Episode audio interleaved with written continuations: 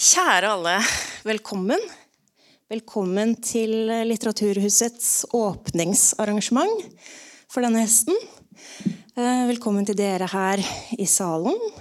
Og velkommen til alle dere på videooverføring. Hei, hei. Og en eh, ekstra varm velkommen til dere som er gjester her i kveld, selvfølgelig. Eh, det er en ganske, ganske heftig lineup.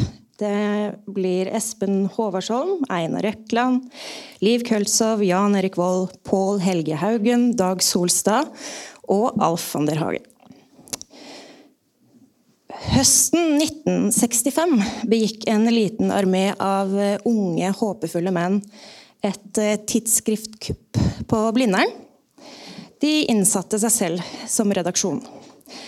Resten er, som man sier, eh, historie. I kveld gjenforenes sentrale medlemmer i redaksjonen til det legendariske tidsskriftet Profil for å snakke om tidsånden de beveget seg i, og den arven som de har etterlatt seg. Det gleder vi oss veldig til. Først skal dere få litt eh, praktisk info. Midtveis i arrangementet blir det en liten pause på 15 minutter. Og etter arrangementet så åpner vi naborommet Alver for eh, boksalg og boksigneringer, for de som er interessert i det. Ja, da skal dere slippe å vente så mye lenger.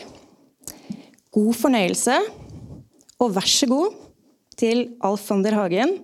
Og første par ut i kveld, Jan Erik Vold og Espen Håvardsholm.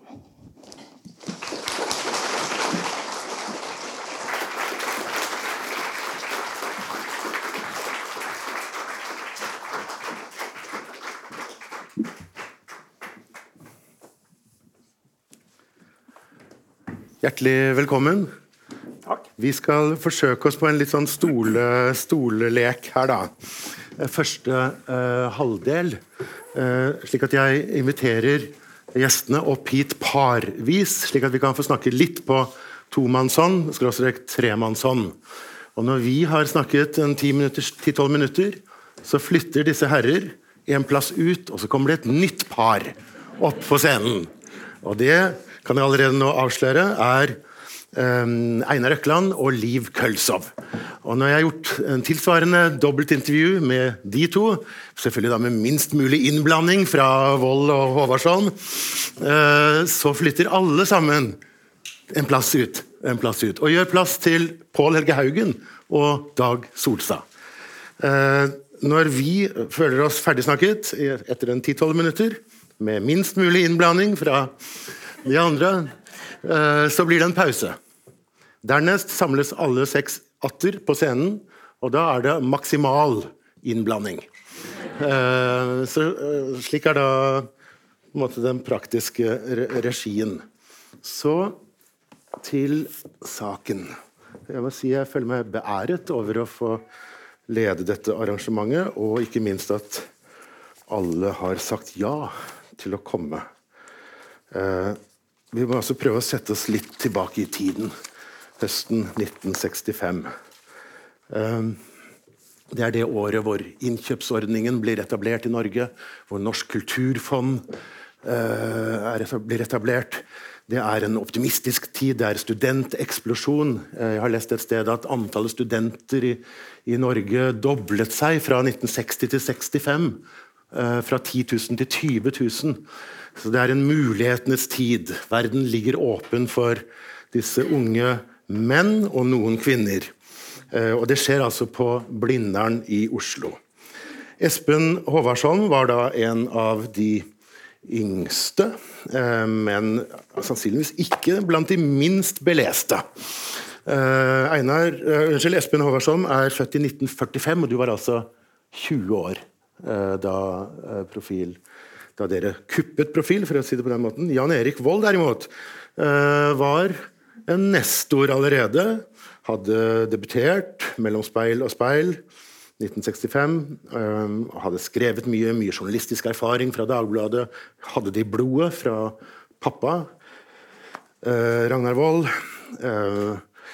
Den nest eldste, den eldste var faktisk Tor Obrestad, som da ikke, av helsemessige årsaker ikke er til stede. Han er født i eh, 1938.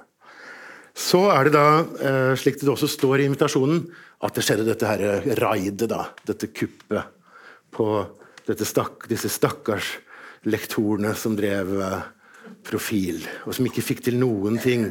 Jeg oppfattet dem som de rene dilettanter, sa Dag Solstad eh, da jeg intervjuet han om dette. De fikk ikke til noen ting, de fikk ikke noen til å skrive for seg. De satt bare og klagde over hvor vanskelig det var å, å drive tidsskrift. Eh, så jeg sa til Einar faen, vi tar det tidsskriftet.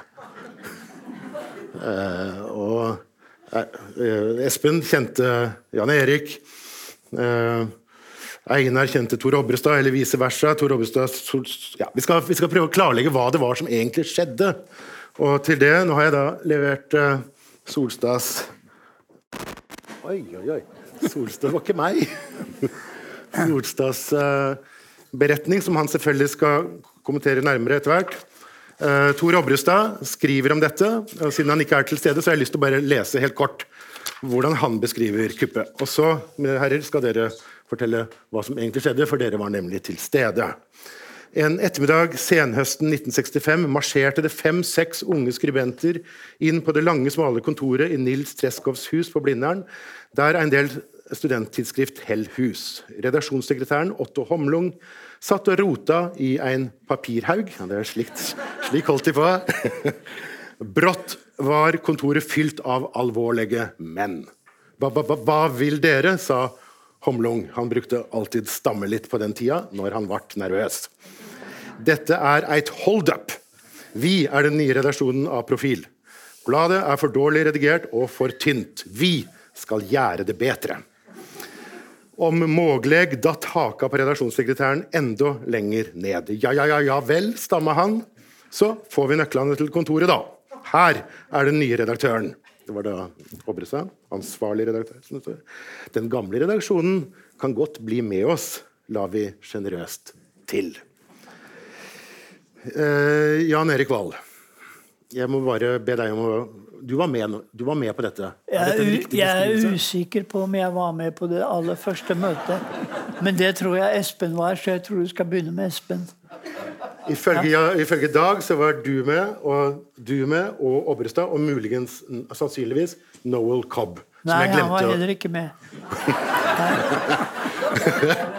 da Ok, nå skal du få min versjon. Det er din versjon.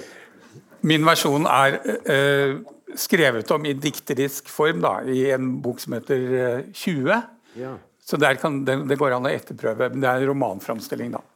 Uh, men sånn som jeg husker det, så er det sånn at Dag Solstad gir ut spiraler høsten 75. Og En dag i regnvær så kommer han opp på lesesalen på Idehistorisk institutt på Blindern, Nils Trefsjås hus, 9. etasje, og er misfornøyd med en anmeldelse.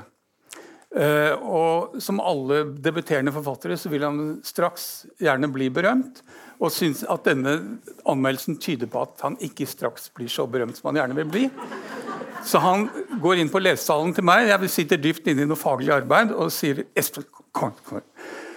Og så ut på gangen så legger han fra seg sin dryppende våte paraply og sier Espen, vi må lage et tidsskrift. Ja, sier jeg. Hvorfor det? Nei, det går ikke uten. Det Går ikke uten. Dette, dette, landet er, dette, landet er, så håpløst. Alt er så håpløst. og det, det er drevet av så mange dumme mennesker. Vi må lage et tidsskrift. Ok, så jeg, men altså, Å lage et tidsskrift er ikke bare, bare det, det, krever mye arbeid. Nei, nei, vi trenger ikke lage et, vi kan bare kuppe et som er. Det er mye lettere. mye lettere.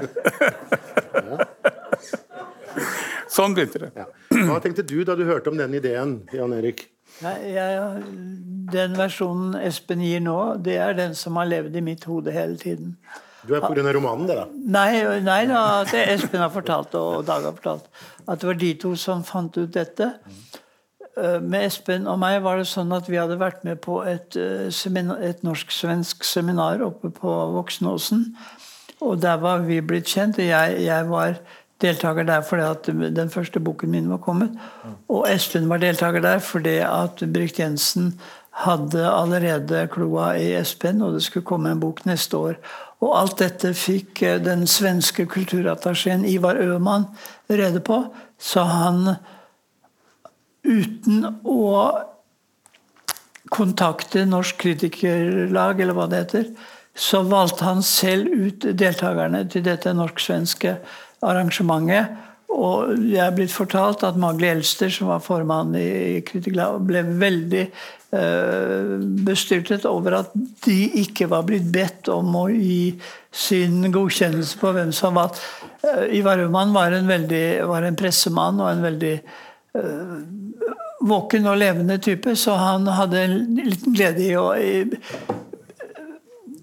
provosere den norske kritikerstanden ved å ta uetablerte forfattere til denne greia. Så Espen og jeg vi var kjent med hverandre. Og om jeg husker det riktig, så, så kom Espen til meg etter dette møtet med, med Dag og spurte om jeg ville være med. Og da sa jeg selvfølgelig vil jeg det. Ja, Du sa ikke straks det. Du sa, du sa ja Ja, ja, ok. Jeg måtte overtale deg litt. Ja, men så sa du ja. Det er mulig, ja. Men hvem var dere på det tidspunktet? Var det bare dere tre? Nei, så, og så var det at Dag gikk og studerte pedagogikk av hensyn til sin mor i Sandefjord, som syntes dette med idéhistorie hørtes så veldig flytende ut. Så, så, så for å berolige henne så gikk han også på pedagogikkforelesninger. For at han skulle bli lærer i den høyere skolen. Og Der traff han altså på en forelesning Tor Obrestad, som hadde trykt noen dikt i vinduet, og som var odelsgutt fra Jæren, og et praktisk menneske, i motsetning til de fleste av oss andre. Så da, dermed ble Tor med. Og Tor tror jeg kjente da Pål Helge og Einar og litt sånn. Så kom alle sammen med etter hvert. Ja. Og jeg hadde kontakt med Noel Cobb, Ja, amerikansk øh, psykologistudent som han var der, men han debuterte også i 1965. Så, så det var vel antagelig jeg som foreslo at han skulle bli med, og alle var enige om det. Ja, men det var en god idé. Ja. Ok, vi, vi, Alle skal komme med sin versjon eh, her etter hvert. Uh, uh, helt kort uh, innledningsvis. Hva vil du si at du, Jan Erik Vold, kunne hva, hva, hva brakte du inn i dette ganske mangfoldige miljøet? Var det først og fremst din på en måte pressebakgrunn, det at du hadde vært på trykkeriet, du kunne, kunne slike ting? Eller var det som kritiker? Ja, det var selvfølgelig begge deler. ja, dette må jo andre vurdere. Hva syns du selv, da? Hva, hva ser du tilbake på liksom med størst glede? Nei, øh, i ettertid så kan jeg jo se at øh, jeg hadde skrevet øh, journalistisk i Dagbladet i, siden gymnasedagene om jazz. Så det var nå det. Små jazznotiser som jeg fikk øh, 35 og 40 kroner øh, stykket for. Og det var det, det, det, det hjalp på det på den tiden. Så jeg hadde, jeg, jeg hadde en del erfaring med, med det skriftlige. Og så hadde jeg vært eh, formann i Studentersamfunnets eh, kulturutvalg. Så jeg hadde redigert eh, to bøker, eh, artikkelsamlinger om eh, Johan Borgen da han fylte 60 år, i 62. Og så kom det en bok om Tarjei Vesaas i 64. Og da hadde jeg vært mye ned på dette trykkeriet som Profil også brukte, Norsk Prent. Så, der hadde jeg gått mine modige dager og, lært litt om korrekturlesning og alt sånt. Så, der hadde jeg en eh, praktisk kunnskap eh, mer enn de andre i, i redaksjonen, antagelig. Hva med deg? Du var sprenglærd, var du ikke det? Det er det i hvert fall jeg får inntrykk av når jeg snakker med Dag. Altså, Du var den Opplest på liksom, europeisk modernisme. Ja, det var jo det, var det jeg satt og leste, leste på lesesalen. Altså På, på idéhistorie så var det sånn den gangen at man kunne spesialisere seg i, i noen grupper av ting innenfor forskjellige tidsperioder. Og jeg spesialiserte meg da på uh, moderne teorier om kunst og moderne teorier om vitenskap. Så jeg hadde en flott overbygning på at det var en sammenheng mellom kvantemekanikk og Einsteins relativitetsteori og modernismen i kunsten. For jeg, som jeg fant bekreftet hos Per Lagerkvist, et essay som het 'Ordkonst og bildkonst'. Som, ja, ja, sånn var det den gangen. Men uh, idéhistorie, alle, alle som har vært borti idéhistorie, vet at da, du trekker veldig lange linjer. Så det var ja, bare sånn. Ja. Men dere to var jo også, bare for å foregripe litt, dere var jo også uh, veldig raskt uh, snappet opp av Brikt Jensen i Vinduet. slik at altså, Ja. Disse herrer var redaksjonssekretærer i Vinduet. Selveste. Ja, ikke helt. Ikke helt. Altså, Ikke jeg. jeg ble redaksjonssekretær. ja. eh, Og i Obrestad, da var det kanskje? Nei. Obrestad ble det da Liv Kultz og jeg giftet oss og fikk barn og ble lærere i Nord-Norge. Så overtok Tor Obrestad som Men bare for å foregripe litt, så viser vel det at dere var veldig tidlig hva skal vi si, innafor Ja. den litterære institusjonen. Hva sier du, Jan Erik? Altså, Jan Erik var den som virkelig var innenfor. Altså, vi beundret veldig det der, altså, de festskriftene til, til Vesaas og, og Borgen. Og det var også noe som het 'Kjærleik i det 20. århundre'. Kjærlighet i det 20. århundre. Altså, disse bøkene var veldig proffe. Og, så, så Jan Erik var liksom vår store helt den gangen.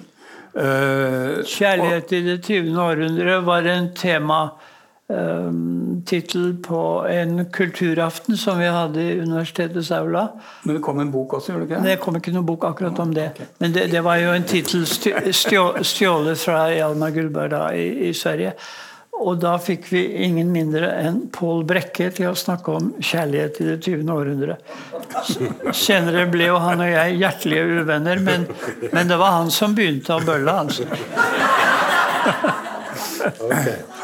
Eh, og det første, det første du gjør i Profil, er faktisk å skrive en, to, altså en stor, eh, kritisk, men også sjenerøs eh, essay, essay om Stein Meren. Eh, og er vel den første faktisk i Norge som virkelig løfter opp Stein Meren og, og gir han det gjennomslaget han etter hvert 27 siders manuskript. Ja. Eh, Og så skiller jo dere også lag, kan man vel si, etter hvert. Men nå har vi allerede brukt opp eh, vårt eh, lille kvarter. Eller, så mine herrer, hvis dere er så vennlige, velkommen på scenen Liv Kølsov og Einar Økland.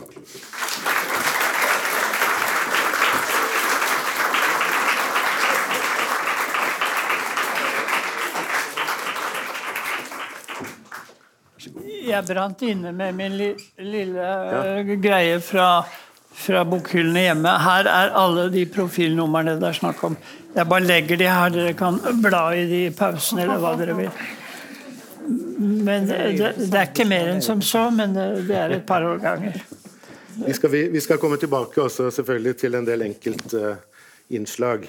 Uh, Liv Kølsov uh, var altså, var altså Dere var altså gift, og dere giftet dere i 66, stemmer det? Stemmer. Uh, og fikk og, Ja, du husker det? ja? Jeg tror det var april, men jeg er ikke sikker. Ja, takk. ja. År. men du var også med du, altså, du har jo skrevet, og du var med Var ikke du også med på en del av disse debutantseminarene før du debuterte? Eh, så mitt spørsmål er faktisk hvorfor sto ikke du som Hvorfor var ikke du med i relasjonen? Nei, det, det må du spørre redaksjonen om. Men du skjønner Nei, jeg var ikke med i redaksjonen. Det falt meg ikke inn Nei. at jeg skulle være med. Men derimot så drev jeg og snek Snek litt. For jeg, ja, altså, jeg vet ikke om jeg husker riktig. Men det året i 66 vi gifte oss, og jeg var gravid, og Espen dro på Biskopse Arnø i Sverige på debutantkurs. Og jeg var med med en stor mage som møtte bl.a. Mona Lyngards mage. Hun var også gravid da. Og Mona Lyngard var jo der som debutant. Men jeg var der som gud vet hva. Jeg var Espens kone, ja. Men du debuterte Men altså- jeg, vent litt, Ja, jeg ja. skrev. Ja, ikke sant? Jeg skrev på Jeg fikk snøket meg inn på kurset, gitt. Så Og så kom du altså både i en, eh, et vinduets, debutant, vinduets debutantnummer i 66, ja. og med en novelle i noe som het Gruppe 1966. Så du var uh, Jeg var i farta. Du var i farta.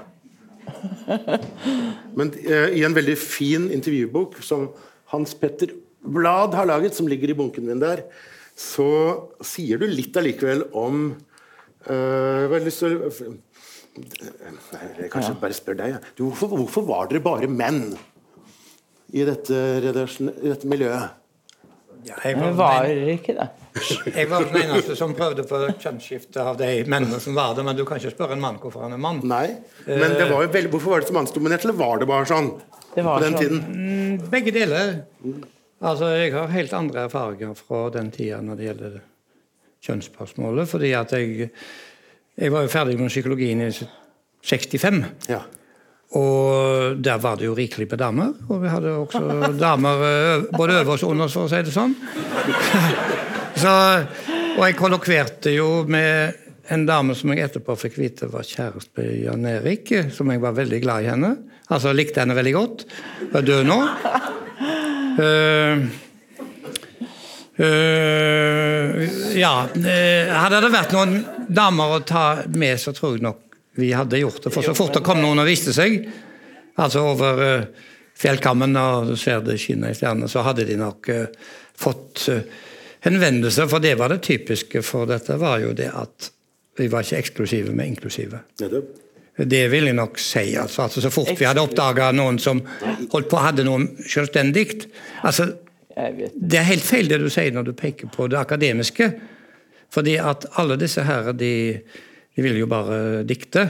Men de gikk på universitetsskolen for å, for å livnære seg. Ja.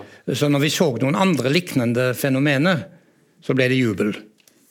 Ikke sant? Når Kjartan viste seg, Fløgstad viste seg, når Cecilie Løveid viste seg, og for så vidt Gerhard Stoltz og, og Gunnar Lunde, som skrev i Dagbladet, han, han var også Og senere eh, så hadde vi jo Nyquist, Arild Nyquist når han begynte å røre på seg. sånn at eh, det var nok ikke at damer skulle holdes utafor.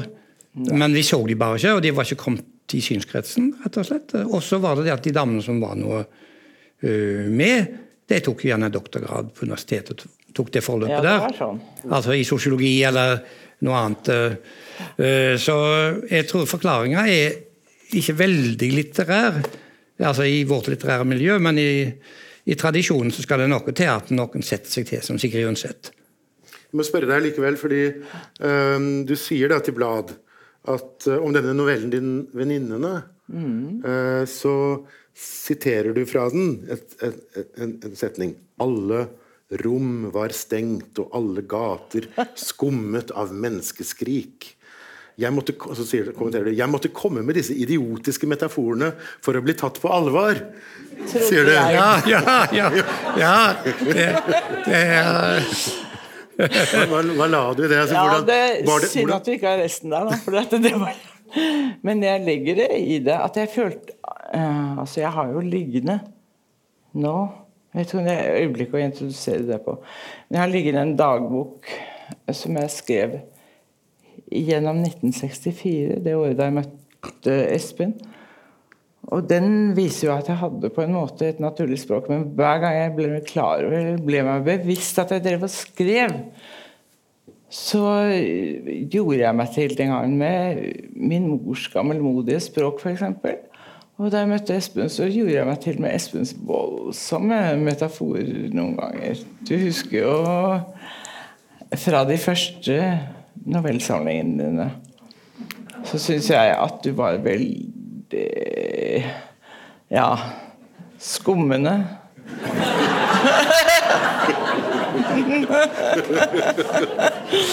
Altså bare sånn modernistisk hegemoni, er det det du Nei. Altså, jeg, jeg, jeg har ikke lyst til å si dette, så det ser ut som det er slem mot Espen, for han var jo jævlig god.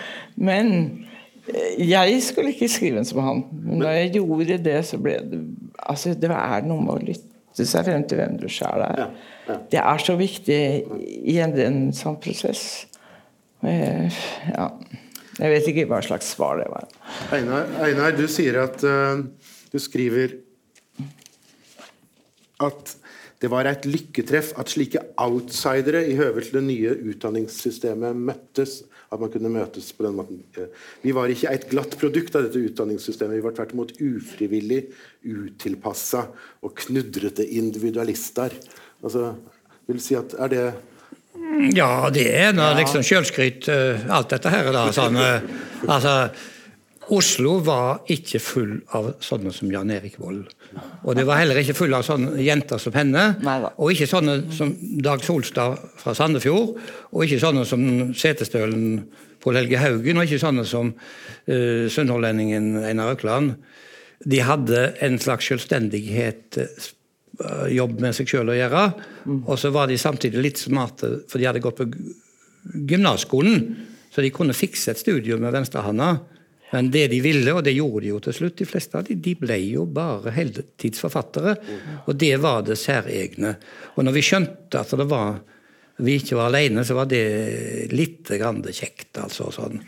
Mens Norge skulle jo få alle skulle studere, og alle skulle få en akademisk videreføring. Men vi, vi kunne gått så fort vi fikk penger nok til å leve av dette, så kunne vi ikke tenke oss å gå inn i en jobb. Jeg var jo psykolog en kort tid, klinisk psykolog, men så fort jeg kunne finansiere lediggangen med skriving, så var jo det også ja, så, Du så jo hva vi gjorde da. Vi forlangte nye avtaler med forlaget og fikk Norsk Forfattersentrum til å arbeidsformidling for oss. Altså i den tida, da.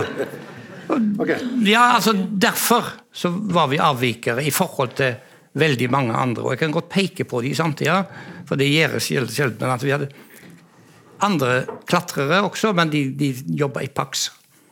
Altså Hans Fredrik Dahl og sånne, som kunne skrive ting og publisere tidsskrifter, men det var nærmest uh, sånn at de vant seg på det, og så fikk de fine jobber, og så fikk de doktorgradsstipendier og, og ble sånne viktige samfunns uh, opinionators. Ja. Var det klasseperspektiv i dette òg, eller? Ja, fra min side var det det. altså sånn. Det var derfor jeg hata sosialistene som sa til bøndene de var uh, sjøleiende og derfor hovedklassefienden. og sånt. Vi var jo så utfattige der jeg kom fra. at eh, En, en arbeider med lønn, en sjåfør og sånn, han var jo høyt oppe i forhold til fattige mm, småbrukere på Vestlandet. Og det skjønte jo ikke de, da. Sånn. Men altså du, du, du, var den første som debuterte i denne forsamlingen tidlig, da. Eh, to år før de andre, de neste. I 1963. Og så ble du faktisk redaktør i Profil året etter, altså 64. To år før den årgangen der. Eh, hva var forskjellen på helt kort da, hva var forskjellen på Profil, som du da var redaktør for i 64, sammen med Tor Åge Bringsværd og mange andre, og det Profil dere senere lagde? Fort sagt, jeg ble spurt om å være redaktør. Jeg kunne aldri tenkt meg å søkt eller meldt min interesse for det, og sa ja. ja. Eh, det var forklaringer som det jeg ville gjort, det var noe helt annet, og det skjedde litt etter litt seinere. Men jeg, må, jeg, kan jo godt tilstå at jeg også var redaktør for Impuls, som var psykologstudentene sitt organ. Så jeg hadde vært redaktør der noen år. Sammen og kjente godt Noel Cobb, for han var husverten min. Jeg bodde i Husbøgrenda noen år. Eh, sånn at eh, mitt, Jeg hadde oversatt dikt av Noel Cobb i Dagbladet den tid Jan Erik skrev sine ting der. og sånn, Så når vi plutselig, uten å kjenne hverandre, begynte å nærme oss, så var det veldig gledelig. Og vi lærte jo kolossalt mye av hverandre. Men altså, det vi lærte, var jo at vi, det steller Jan Erik med, det steller ikke jeg med. Og det livet måtte stelle med. Altså, vi hadde vår egen business gående. Mm. Det, det og det skjønte jo ikke publikum, for de trodde jo vi alle like. ikke sant? Vi er, ja, det var Patentmodernister kalte de oss for. Oh, ja. ja. Jeg hadde jo skrevet Det sto overskrift om Breivega intervjua meg i 64, tror jeg det var, av Breivega, som var veldig nynorsking. At, og at uh, modernismen er noe sabla tull, står det i overskriften. Det er mine ord. Og så står det tre-fire spalter der jeg begrunner dette. Men jeg var helt uenig med Espen. Helt uenig med Espen. Jeg kaller meg jo tradisjonalist. Jeg syns jeg kom for seint. Men, men, kranglet dere da på møtene? Ja, bestandig. Men de krangla jo hele tiden. Ja. Det var derfor det ble så gøy. Ja. Fordi at vi var så forskjellige. Uh, og kom fra forskjellige kanter av landet og forskjellige måter å tenke på. Og vi lærte kolossalt mye av hverandre. Det var mye morsommere i redaksjonen i profilen enn ellers på Blindern. Mm. uh, Jan Erik, alle sier at de har lært av deg, men hvem lærte du av i profil?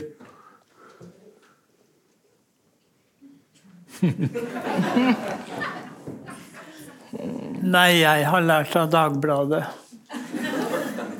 Min far Ragnar Wold var utenriksredaktør i Dagbladet alle årene etter krigen. Og han var eh, en veldig selvstendig og, og kunnskapssøkende ung mann fra Kristiansund, født i 1906. Og han kom seg nedover til kontinentet rundt 1930 og framover og fortalte om hva det var på gang i det tyske riket. Og han festet blikket både på Vidkun Quisling og Adolf Hitler og, og, og advarte Dagbladets lesere til han måtte flykte fra, fra Berlin i hui og hast, og ble ansatt i Dagbladet, og der ble han livet ut. Så Dagbladet på 50-tallet, det er helt annet Dagbladet enn det dere kjenner.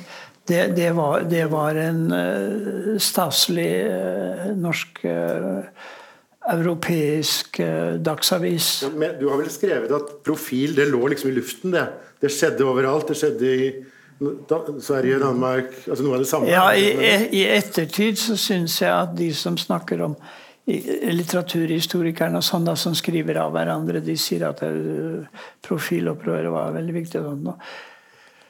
Det er veldig få som har sagt at akkurat det samme skjedde i Sverige og i Danmark og i Finland og i USA. Så var det Robert Bligh som hadde sitt tidsskrift, the 50s and the 60s and the 70s.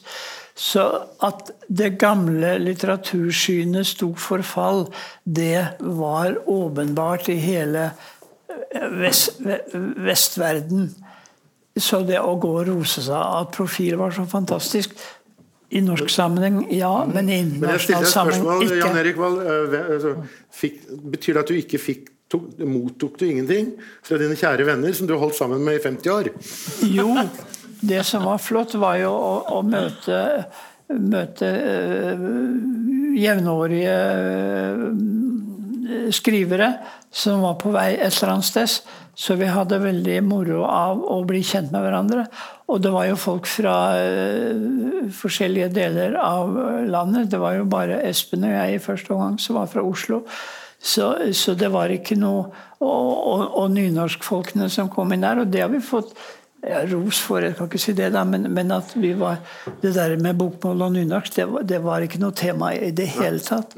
Så vi, vi, var eh, ja, moderne da på den måten. Hva sier du, Liv? Eh, du sier nå at, en, at, det var både et miljø hvor du selvfølgelig ville være en, en del av, og ble en del av, og, men samtidig så ble det et slags hinder for at du fant ditt eget språk? Er det, Nei. Eller, hvordan vil du si det? Nei, sånn var det ikke. Nei, fortell. Nei, hvordan var det? Hvordan var det? Jo Der er den. En gang, holdt jeg på å si I 1964 begynte jeg på denne dagboken. Og det er ikke mulig å fatte at det er meg som har skrevet Da er du 19 år? Til begynnelsen. Jeg er 19 år. Det er den søteste, koseligste og gladeste bok jeg har hatt noensinne. Og jeg skriver 'noensinne' fordi at vi var riksmålsgreia. Og dette var i juli 64. I hele år Nei, i he... Jo, vent litt.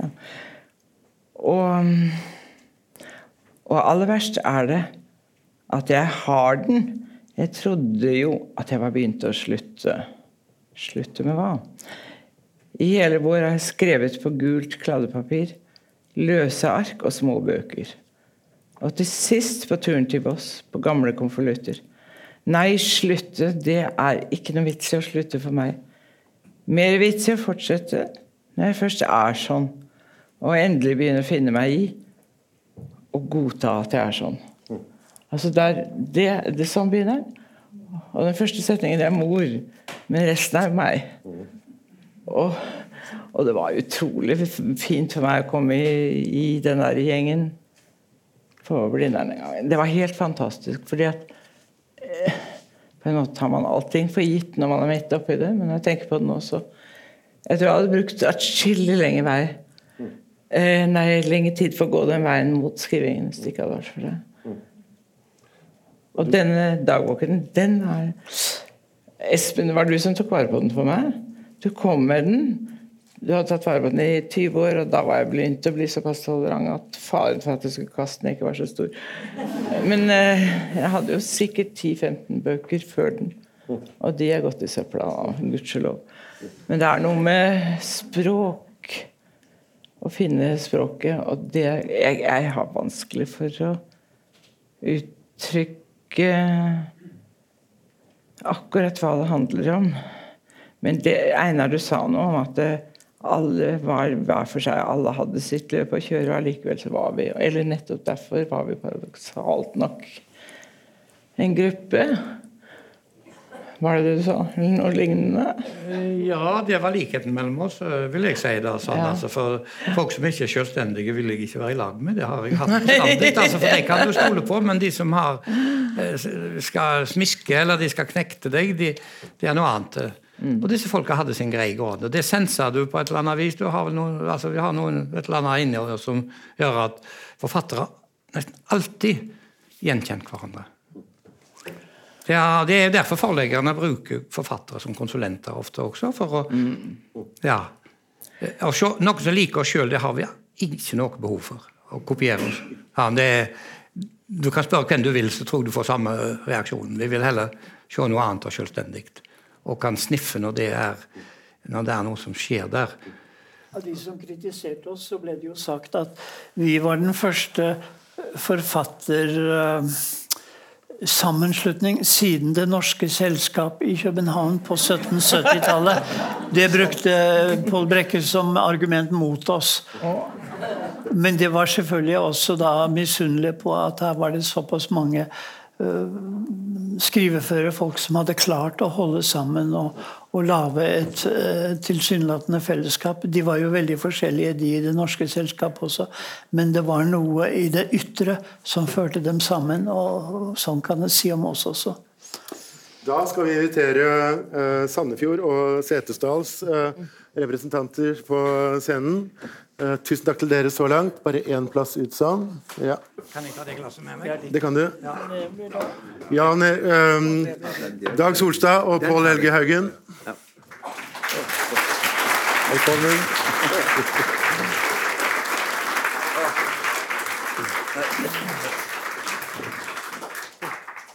Uh, Dag, du har sagt tidligere at uh, du hadde kanskje ideen, men at du preget profil ganske lite. At du var den som Du sugde til deg alt. Du var en Benjamin som Ja da, det, var, det, er, nok riktig. Det er det veldig, det er, nok- det, det er i hvert fall myten er laget, og det, den er helt riktig. Jaha. For det er klart, jeg hadde, hadde veldig Jeg var lærer som lærte best, hadde best utbytte av å være med i profil. Kanskje Einar, hadde, kanskje Einar fant et miljø der, det, det tror jeg nok han gjorde. Men, altså, men alle de andre var jo så selvstendige og framifrå at de ikke trengte profil, egentlig. ja, ja. Vi lærte mye av Dag, alle sammen. Nei. det, det var Dag. Men du har kalt det ditt universitet, er det? Ja, ja, jeg høres- ja, det høres bedre ut. Det er riktig å si det. Og, og en av professorene var Pål Helge Haugen. Han var eh, professor, ja. Nei, han imponerte meg veldig. For han, han hadde sittet oppe i Setesdal på, på Bodenlandet for å si det sånn, og abonnert på på, på helt avanserte litterære tidsskrifter i Danmark og så der, som uh, sånne ting. Jeg skjønte ikke hvordan det var mulig. Så Jeg spurte Kjell Heggelund om det en gang. Hvordan i all verden kunne han gjøre det? Og så så Kjell Heggelund har du, har, du, har du ikke hørt om postverket? spurte jeg. De som er sånn de gjorde på landet. De fikk alt på fossen. Pål Pål Helge Haugen, hva var det som trakk deg eh, til dette miljøet? Bortsett fra postverket? Eh, nei eh, Det er veldig vanskelig å si, for det var mange ting. Og eh, du Jeg trefte jo Einar og Thor. Det var på en måte min inngangsport. Og det høres ut som det var en slags nynorsk falangs som skulle trenge inn i dette her eh, litt urbane miljøet, men det var det bare ikke. Det var naturlig at vi knytta visse forbindelser, og at eh, de ble knytta videre til alle som er her nå, en del som vi vet ikke er her i dag. Men eh, eh, det Dag nevner om, om eh, det å søke impulser og som du satt lengst oppe i Setesdalen, sø- søke impulser helt andre steder fra, også fra avantgardistiske miljøer i Den gang var det resten av Skandinavia til å begynne med. Det, det føltes helt naturlig, for det var en sånn fenomenalt fin fluktvei. Likna ikke på noen ting. Jeg vokste opp i en tradisjon som eh, jeg senere har kommet nærmere, men som jeg den gang eh, følte voldsomt trang til å eh, distansere meg fra. For eksempel, som var mitt Jeg hadde få bo om hva jeg skulle skrive. Jeg tenkte jeg kan prøve meg omtrent på hva som helst. Men det er bare én ting jeg ikke skal gjøre. Jeg skal aldri skrive et stev i mitt liv. Og det var sånn Det var sånne ting som jeg vokste opp, og jeg måtte bli ah, 65 år siden til eh, noe slikt til før jeg kunne skrive et stev, og det var bare fordi at den storarta sangeren Kirsten Bråten Berg satt på meg et helt år for å, for å skrive et eller annet til den plata, og da måtte jeg gjøre jo det. Det var en måte å se at det var en altså, totalt annerledes verden. Altså, det var, det var eh, Jeg opplevde gjenkjennelighet hos veldig mye av det en las av 50- og ja, 50-tallets litteratur i Norge. Det var en dødskjedelig gjenkjennelighet. Og han hadde behov for noe helt annet. Så da eh, fant jeg de heftigste ting jeg kunne finne, og de var som regel i Sverige. Det var eh, tidsskrifter som eh, Rondo og Gorilla, heter det ene. Det var herlig. Det viste at alt er mulig, og så kunne en gå derifra. Alt er mulig. Ja, alt Og det er vel er det, det er liksom 60-tallet, det. Alt er mulig. Hvis du snakker om tidsånden, da, som vi skal komme tilbake til etter pausen, uh, så var det ikke det. Altså, du, du, jeg intervjuet deg i 1995. Og Da beskrev du liksom atmosfæren av 60-tallet slik. På den ene sida en slags høgdeskrekk, en kjensle av svimmelhet over å være i verden. Men denne høgdeskrekken var tallen på plass av ei merkelig motkraft, en slags eufori. Alt var mulig, som du sier nå. Alt verka være mulig. Verka være mulig. Veldig viktig forskjell. Delte du den eller, optimismen, eller var du mer sammenbitt? Mm, jeg var sammenbitt også, men jeg delte optimismen også. Ja, da, jeg gjorde, nei, jeg gjorde det. Jeg, jeg hadde helt for at alt var mulig. Var. Det, det, det, jeg, jeg, jeg lurer på ikke Heggelund hadde det også slagord, jeg. Alt er mulig. I hvert fall sa han det til meg. Ja. Men, men du, du, så jeg tror det, ja, vi lærte mye av det, faktisk. Men du, du har kalt deg et 60-tallsmenneske. At dine på en måte ja. pregen, de, de, de, de, litterære impulser som preget deg, var ting du leste på 60-tallet.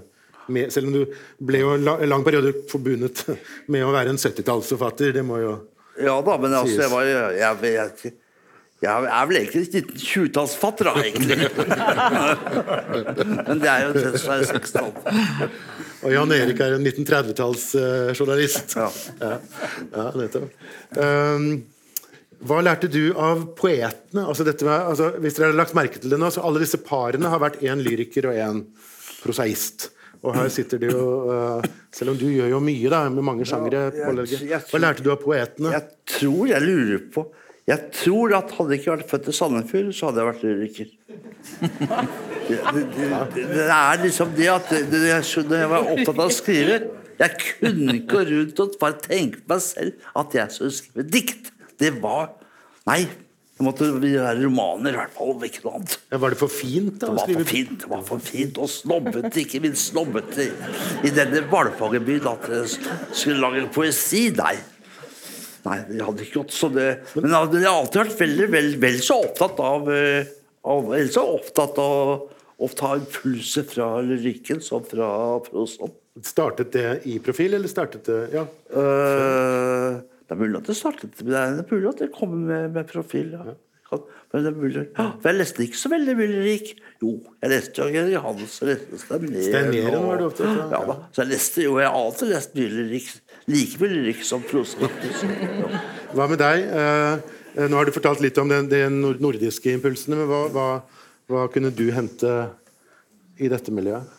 Hva husker du Nei, mest inspirerende fra Det var helt mangfoldig, det.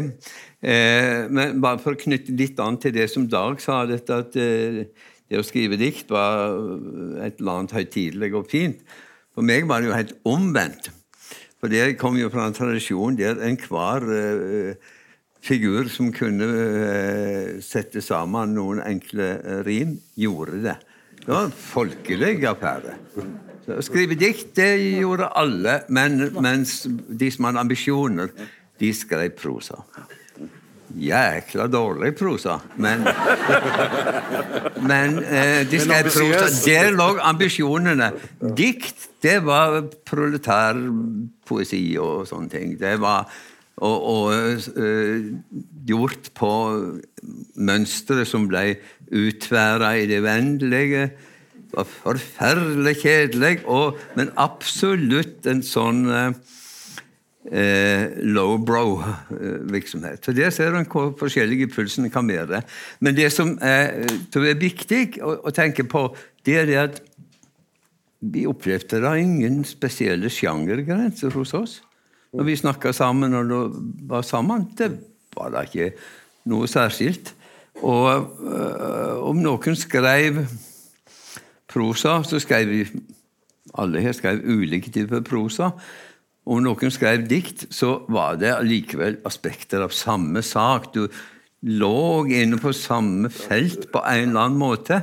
Og eh, jeg syns at eh, disse overkrysningsforsøkene som flere av oss gjorde, ikke minst jeg, eh, de fins f.eks. også hos Dag Solstad. så uh, Svingstol er en sånn, en sånn bok som Hva pokker er forskjellen på noen av tekstene i, i, Svingstol og en del av det som ble laga av prosalyrikk uh, i, i samtiden?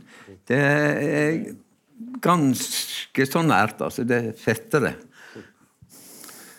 Da jeg gikk igjennom Jeg har også med meg profil. Eh, det er Nasjonalbibliotekets utgave, så det skulle egentlig ikke vært tatt ut fra lesesalen, men jeg gjorde det.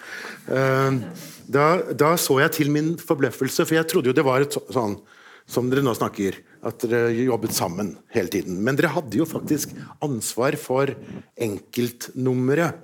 Altså nummer 266 eh, handlet om litteraturkritikk. Da var det Jan Erik som var redaktør, og Jan Erik var også redaktør i nummer 268. Da var temaet 1950-årene. Mens Dag var eh, redaktør på nummer 366, som vi må kanskje kunne kalle Georg Johannessen-nummeret. Eh, og også eh, et merkelig nummer nemlig 467. Der står det ikke noe hva det heter. Der står det et Wildenvei-sitat på forsiden.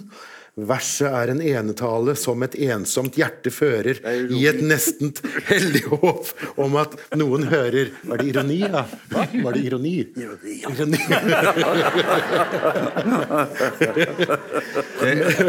Mens Pål Helge han Unnskyld, jeg skulle hva det var på noe i sin tid? Det var innledning til det såkalte ønskediktet. Og Hvis de skulle høre på ønskediktet, så måtte han først skru av innledningen, og så kunne han skru opp etterpå. Jeg skjønte ingenting hva dette var. Uh, mens, uh, mens uh, Espen er da redaktør for nummer 566, Prosaens problemer, hvor det bl.a. er en anket som da har bidrag fra alle fra Borgen til Liv Kølsov. og til slutt så har hvem har jeg glemt nå? S, Einar, da? Hvor er du? Ja. Einar har forbrukervennlig nummer. Hva var det? Ja, men ja. Ja. Jeg kan sitere en veldig morsom, kort uh, lederartikkel uh, der etter hvert. Men dere, vi har brukt mer enn den tiden vi hadde i første del. Så vi tar nå ett kvarters pause, og så kommer vi tilbake. Og da skal vi prøve også å snakke mer om hva, som, uh, hva ånden fra Profil har etterlatt seg, og hva som har kommet etter Profil. Så ett kvarters pause. Takk så langt.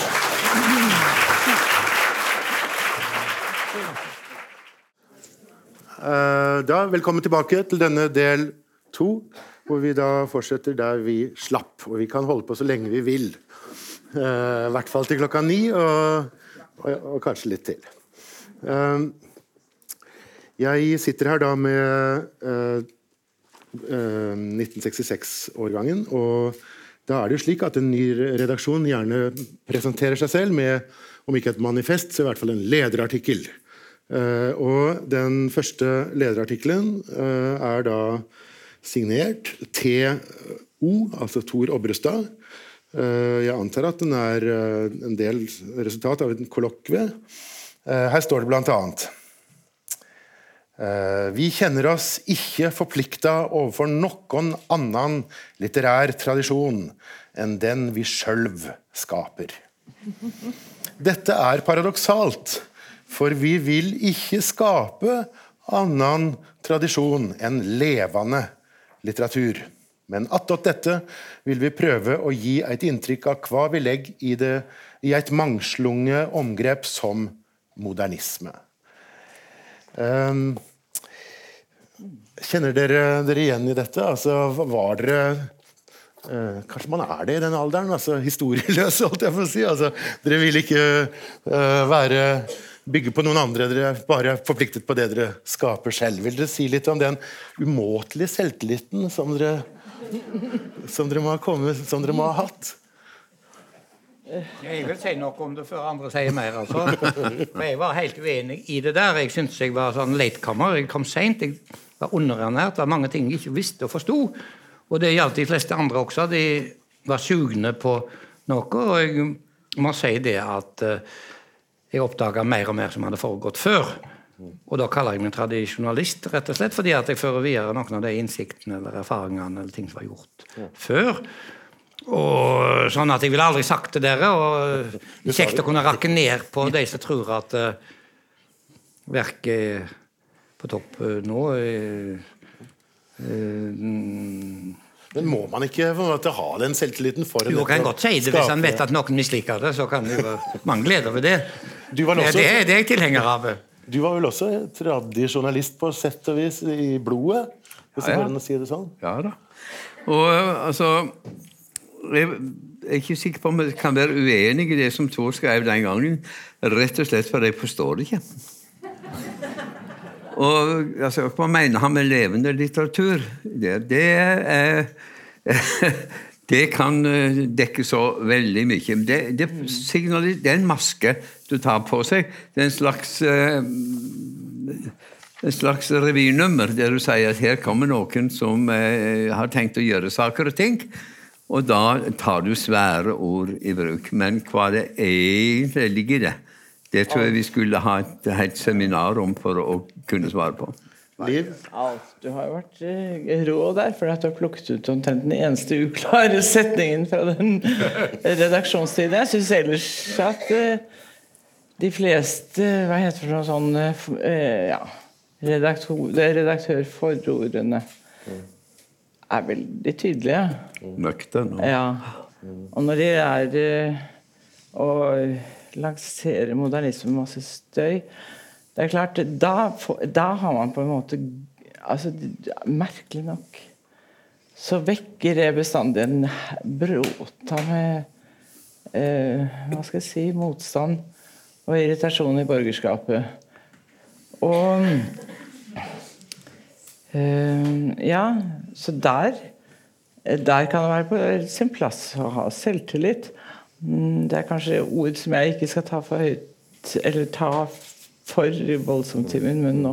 For jeg har lest gjennom dagboken min og sett mine anfall av eh, manglende selvtillit. Ja, du leste jo litt om ja. det i stad. Men eh, Og så kom jeg på en tegning en gang som sto i Dagbladet. Jeg hadde sendt en liten tekst til Dagbladet, det må ha vært i 67 eller 68. Og den var veldig sånn, Det var mye støy, og byen Jeg var tilbake i byen, og det var eh, neonlys overalt. Og det var veldig sånn masete. Det er en ganske ålreit tekst. Det er en liten, typisk modernistisk tekst. Og så skulle Dagbladet sette Hammerlund på å illustrere det. Hammerlund var jo veldig reaksjonær. Så han klarte å, å gjøre det om til en eh, en tegning av en gammel dame som fektet med paraplyen mot all denne moderne ja, Og jeg tok meg nær av det, gitt. Jeg, jeg ble så rasende. Jeg sparket en stol på verandaen i, i Brochmannsgate. Jeg tror at det er skyld i at min sønn ble født såpass etter termin som han gjorde. Men, men, men jeg, jeg Det var ikke noe greit, altså. Jeg tenker at, For jeg gir deg ordet, Jan Erik. Jeg tenker at både Espen og Dag kunne ha skrevet dette på en eller annen måte. Altså, her kommer vi. Her, du kunne ikke gjort det? Herregud, jeg har alltid vet at det skal lukte litteratur av det jeg har skrevet. Jeg har aldri vært interessert i å skrive levende litteratur. jeg. Jeg, jeg tror det ble diskutert i redaksjonen om, at det, om, om hvorvidt det skulle være en leder eller ikke. Og da tror jeg alle trakk seg, bortsett fra Thor. Er det noen som kan bekrefte den? eh, Og, og vi syns ja, men det, det er greit. Jeg kunne heller aldri ha skrevet Espen, noe sånn som han gjør. Nei, men altså, jeg tror det, det, altså, det vi hadde felles, var vel egentlig at vi ville irritere borgerskapet. Ja. Sånn at øh, det å, å, å slå, snakke høyt om modernisme for oss, eller for noen av oss, da, det var, det var øh, et forsøk på å irritere borgerskapet. Og man må huske hvordan borgerskapet var på den tida. Altså, uh, André Bjerke og Carl Hva heter disse her øh, ja. Carl Keilhaug. Ja, han var vel død da, kanskje? Nei. Det er ja. Dette er lenge siden. Men altså, det var i hvert fall en Odd Eidem tenker jeg på. Odd Eidem og, og André Bjerke de hadde en offentlig rettssak mot modernismen som de kalte en råtten madrass. Altså var, sånn, sånn, var, sånn var Oslo på den tiden. Sånn at Å identifisere seg med modernismen det var på en måte å, å, å slå tilbake mot den typen folk. da. Ja, og, den, og selve erkemodernisten sitter jo her. Ja, nei, men Jeg vil snakke mer om Thors tekst. Den var grei nok, den. Ingen av oss hadde store innvendinger mot det. Og, og her er det en som våger å ta ordet og si det. Så, og den fungerte jo også, og har i ettertid også fungert uh, på riktig måte. Og at man da kunne bokstavert seg annerledes, det er nå så. Men Thor gjorde det, og, og det skal vi være glad for. Syns jeg. Kan jeg ta en replikk til det? Det var, det var liksom, Alle skjønte jo at hver gang vi Ja. uttrykte på egen hånd, så kom noen egne ideer. Nei, da skrev veldig mye rart. Skrev masse rare ting fra, om, eh, om som vi tenkte sånn sånn. Det er klart det var Einar som tenkte sånn. Det var, vi er enig i det. Men en lederartikkel er liksom en lederartikkel, da. Nei, nei, nei, nei, nei, nei. Men det er ikke så viktig heller, da. Herregud. Einar. Einar. Einar var ikke i Oslo da denne Einar var ikke med, han da. Han var, det da han var psykolog oppe i Bodø. det. Så om han er uenig, så er Det det helt riktig. Einar kom i sommeren 66. Ja. Jeg tenkte på andre ting. Einar skrev sånne ting om Åh, Han sa Ja, det der det dumme du- du- forbruk, men da kom du også med en sånn svær sak. Det kom. Jeg var ikke eneste det, men det var veldig godt sagt, da. Og det var passet veldig godt på Einar. Altså det, det som jeg ba om replikk for å si, det var det at det såkalte borgerskapet, som jo ikke kalte seg dette sjøl, det var kan du si, det var én front. Om du kan kalle det en front, iallfall en velkjent uh, eh, Hva heter det? Det heter ikke Berlinmur, men det var iallfall Det var uh, noe som, som var der til hinders for litt av hvert. Men altså, noen av oss hadde en annen front, og den er ikke artikulert, eller ikke, ikke, ikke, ikke påpeka noe særlig. Men altså, vi som lager ting på nynorsk, hadde våre egne folk å stange imot. Eh, Fordi at i nynorsken skulle de ikke ha noen sånne stridigheter som de hadde mellom borgerskap og modernister. og sånt. Det var Den norske lærerstand eller lektorstand eh, så annerledes på hvordan det sømte seg å ha en ekte norsk litteratur. Det gikk når altså Pål Helge ga ut sin første fine haiku-bok. Men det var jo ikke akkurat norsk tradisjon han der drog fram, så du kunne ikke bruke det på måldags rekrutteringsmøte. Eh, eh, altså eh, Var det modernisme? Eh, det er ikke tvil om at både Pål Helge jeg ville sagt ja, det, det må vi ha med. Det tror jeg nok. Men altså det ble sett på som et avvik. Og da han skrev romanen 'Anne', som var sånn blanda sjangermessig, da, med både sitater og bilder og prosa og lyrikk, så var det ikke sånt det skulle skrives. Men når det først var der, så fikk han jo makt. altså. Det viste seg etter hvert, så ble det meste fordøyelig når han gjorde det. Men altså, den fronten som nynorskingene hadde, og Tor også, eh, den var, om ikke påpekt, så følbar ganske mye. Og vi snakket ut fra en annen ståplass enn men ikke sant, det, det, det, avisleserne i Oslo. Var, det var noe annet enn det å irritere borgerskapet, som vi var felles om. Det var at vi var opptatt av litterære eksperimenter. Mm. Altså, ikke sant, uh, Pål Helges uh, dokumentariske lyriske punktroman 'Anne' og din amatøralbum uh, er, er, og Jan Erik hele veien ikke sant, det er eksempler på at, at vi hele tida prøvde oss fram på nye, nye, ting, nye måter å gjøre det Altså slå løs på altså Det fantes en sånn konvensjon altså Hvis du går et par år tilbake og ser på tidlig 60-tallet i Norge Alt var så konvensjonelt. Litteraturkritikken var konvensjonell, bøkene var konvensjonelle, til og med debutantene var stort sett veldig konvensjonelle. Så Vi var ute etter å slå i stykker alt det gamle og se Litteraturen er et enormt felt. Det er veldig mange ting man kan gjøre. Og, og, og, vi hadde nok litt blikk til Sverige. altså Svenskene var på det tidspunkt mer åpne enn vi var, og vi lærte av dem. Slå i stykker alt det gamle. altså Var det først og fremst det, at det, dere hadde felles det dere var imot? Ja. Mer enn det dere var for? Ja. Er det noen som har, nei. noen som har påstått noe sånt? Nei. Nei, nei. nei men vi har arbeids, arbeidsmuligheter. Jeg husker det sto en artikkel om en av, en av oss i, i profil. Jeg husker ikke hva det var. I, i, i orientering. Den venstreorienterte avisa. Det var orientering. Og der sto det at ja, at det, det er eh, Det slo han, da. Det er, det er at alle disse profilfolkene skriver så likt. Det er bare tull. Nei, det er bare tull. Vel Sånn ble det oppfattet av en uh, venstreorientert mann i, samtidig. Altså, at hvis, og det er nok noe hvis man, hvis man leser da, hvis man, hvis man har fulgt forfatterskap senere, da, så er det, tror jeg at veldig få som sier ja, akkurat det. Nå i dag, men kanskje om 40 år, vil de si at Gud, så likte Skreff. Jeg vet ikke, men det, det ble sagt. Ja. Jo, men det, jo, eh, det, var jo gjerne slik at det ble sagt at folk som uh, hadde med, denne, med profil som tidsskrift å gjøre, som uh, var i dette området som profil utgjorde. For profil var jo egentlig et stort område som inkluderte mange flere enn de ja. som var med i redaksjonen. Ja. Uh, det må en huske på. Og uh, for mange av oss så var det en stor et løft da antologien 'Åtte fra Bergen' kom, f.eks. Det var helt strålende. Og uh, spesielt Cecilie Løveid må det være lov å, å, å nevne. Det var tenker jeg, Ok, nå skjer det noe, og ikke bare folk som vi kjenner på forhånd. Men det jeg prøver å si, er det at i det er jo klart at i uh, en situasjon der en skal markere seg mot det som har vært, så må en ta på seg en maske som kan virke eh, i overkant stridig og sjølgod. Men det er en måte å profilere det på.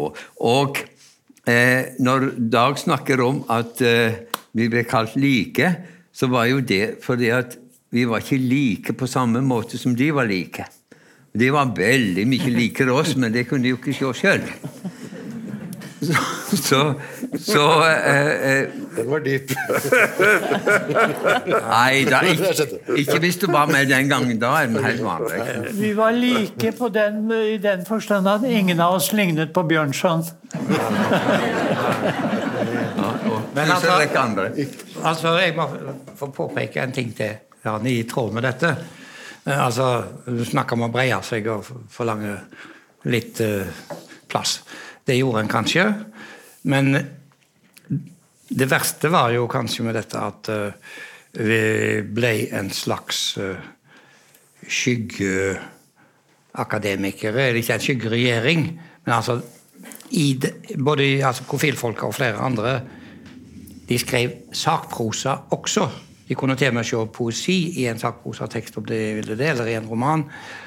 Og der innstifta de vel kanskje egentlig en tradisjon som nå er høyst levende. For det er ikke uvanlig i nå at unge folk i dag skriver romaner en gang, og så skriver en biografi eller et, uh, en sak, sakbok på et annet vis. Og så Det er kanskje en av de Det har vist seg at etter tid så ble vi lei av bare å skrive dikt. eller sånn. Man kunne skrive ting som dekker de forsømmelsene som de ansatte i akademia eh, kanskje skulle, burde eller kunne eh, ha gjort.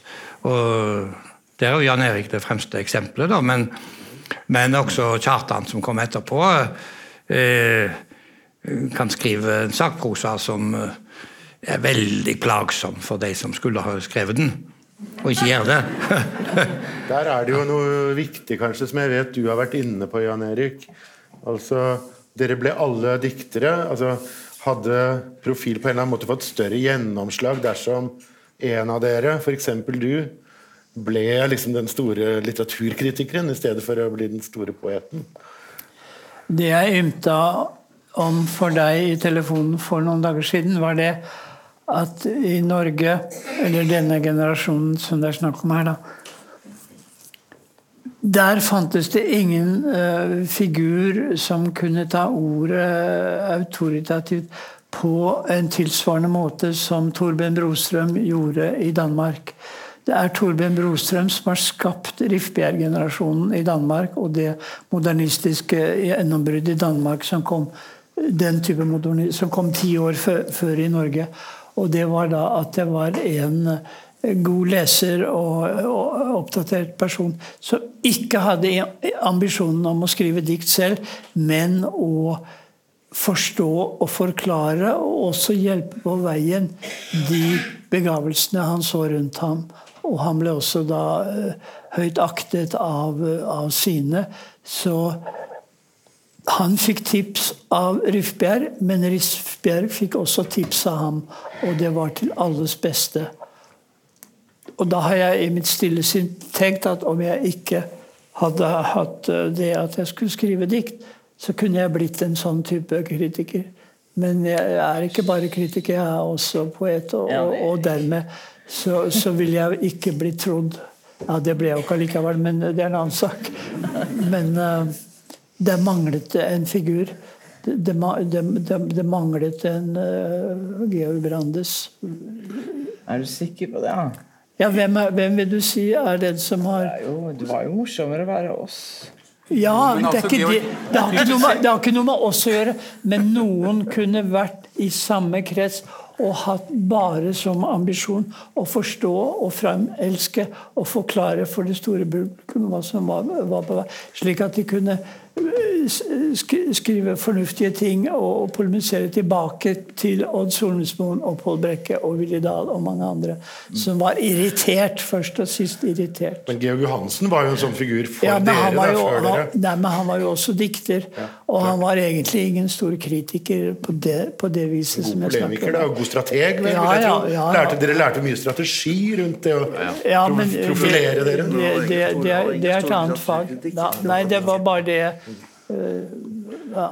Vi lærte bare negativt, altså hva som var dumt. Hva vi ikke skal gjøre. Men ikke, ikke sånn uh, konstruktivt. Men altså en som kunne gjort dette hvis han hadde hatt et annet liv, og sånn, og som ingen nevner sånn, ikke engang han som skulle ha gjort det, det er Johan Borgen. Han hadde et stort kritisk ja, han, han, for, han, han, for, for, han tilhørte en annen generasjon. Ja, ja, men han var jo aktiv helt uh, ja, da, nåtida omtrent. Men, men, han, skjønte, han, vel flere av dere? Han skjønte heller ikke på dypet hva, hva, hva nytt som var på gang. Jo, men Han var ikke så opptatt av lyrikk. Men, altså, Nei, men han var jo så lyrisk. For, for roman for, han, så var han veldig viktig. Han betydde veldig mye for romanforfatter. Jeg skrev jo en svær biografi i takknemlighet til Johan Borgen. Ja, ja, nei, altså jo, men, Jeg husker jeg, jeg, jeg, husker jeg drømte jeg, at jeg hadde skrevet en bok, og det ble anmeldt av JB Dagbladet på én spalte og dårlig anmeldelse. Det var ikke noe moro i drømmen. ja, ja. Nei, men Borgen Nei, men hadde, altså, hadde ikke ambisjoner i den type kritikk som, som Torben Brostrøm gjorde i, i- i Danmark, hvor han så altså, seg selv som denne generasjons talsmann. Men Men vi kan, ikke ut, vi kan ikke bli stående i en klagesang over dette her, tenker Nei, men Det er ikke noe klagesang, det var bare det at han rippa opp i det. Jeg, jeg, jeg skal, komme, jeg skal bringe dere videre. Eh, altså, det, ikke sant? Vi sitter her og snakker om eh, to år, da. 66 og 67. Og Jan Erik og Dag fortsatte et par-tre nummer ut i 68 eh, også. Um, eh, hvorfor varte det så kort? Og Det er det ene jeg lurer på. og det, er, det, er det først og fremst politiske grunner? Det, At det, det allerede i 67-68 begynner å, å, å liksom sprekke opp? Og, og, og så, så det jo, skjer det jo mange tidsskrifter parallelt her. altså Einar er med i Fossegrimen eh, hele tiden, skjønte jeg, mens Ja, du fra er med i Profil. 1964 til 68. Ikke sant? Eh, og så er da noen av dere er eh, redaksjonssekretærer eh, for eh, Vinduet. Jan Erik eh, eh, kommer med både i Vinduet, Basar etter hvert. Altså eh, eh, kunne, Burde tidsskriftet vart lenger? Hvorfor Greia var at de tre nynorskgutta skulle starte et tidsskrift på Samlaget som aldri ble noe av. Det er slik jeg har oppfattet det, at det var derfor de var de første som forsvant. Ja. Ja, jeg vet hva du tenker på. Ja, det Vi vet godt hva du tenker på. Vi kom aldri stort lenger enn til navneforslaget på tidsskriftet. Nei, men dere forsvant ut av redaksjonen samtidig. Jeg ble bedt om å skrive en utredning av et forslag av forlagssjefen. Ja, men slik oppfattet Ja, jeg det, og kanskje jeg da- Det var sommeren 67. Ja, jeg foreslo at det skulle hete Hermetika, som en allusjon til heretika i Danmark. Ja, og, og så skrev jeg da litt uh, underholdende om hva det skulle gjøre og ikke gjøre. Og dette ble en styresak i stedet for en redaksjonell sak, og da stoppet styret det. Men forlagssjefen var for. Dessuten må du ikke glemme at du skrev altfor underholdende til at de ville ha det. Ja, ja, ja, kanskje. Jo, jo. Det var nå det beste ord. Men altså, Pål Helge skulle jo også hatt en lang serie med tyske dagens skribenter, og hadde gjort en sabla lesejobb og forslagsjobb, men det ble også stoppa av nynorskingene på et høyt plan. Til gjengjeld så leste jeg nå i Nordlys bokhandel her i dag, for jeg hadde- jeg kom med nattoget, så jeg hadde litt tid. Så etter at jeg hadde sittet på Bergen offentlige bibliotek og gått gjennom alle disse årgangene, så gikk jeg på Nordlys bokhandel og fant bl.a. den store nynorsk litteraturhistorie som nå er kommet ut. Hvor både du og du prominerer veldig under overskriften 'Undre fra 1965'. Så, så, sånn at eh, Det kan godt hende at dere ikke fikk lov å lage tidsskrift, men at dere, det var jo en, altså ny, sånn som han skildrer tida, så var det sånn at nynorsken var i ferd med å eh, bli drevet fram av gamle tvettemenn som irriterte hverandre. Og plutselig kom det en ny in, eh, generasjon av unge, frekke intellektuelle nynorskinger, og det var dere. Eh, Så, så i hvert fall i ettertid så, har dere, så er det dere som har reddet nynorsken fra, fra en Men tilbake til profil, da. Hvorfor det ikke ble noe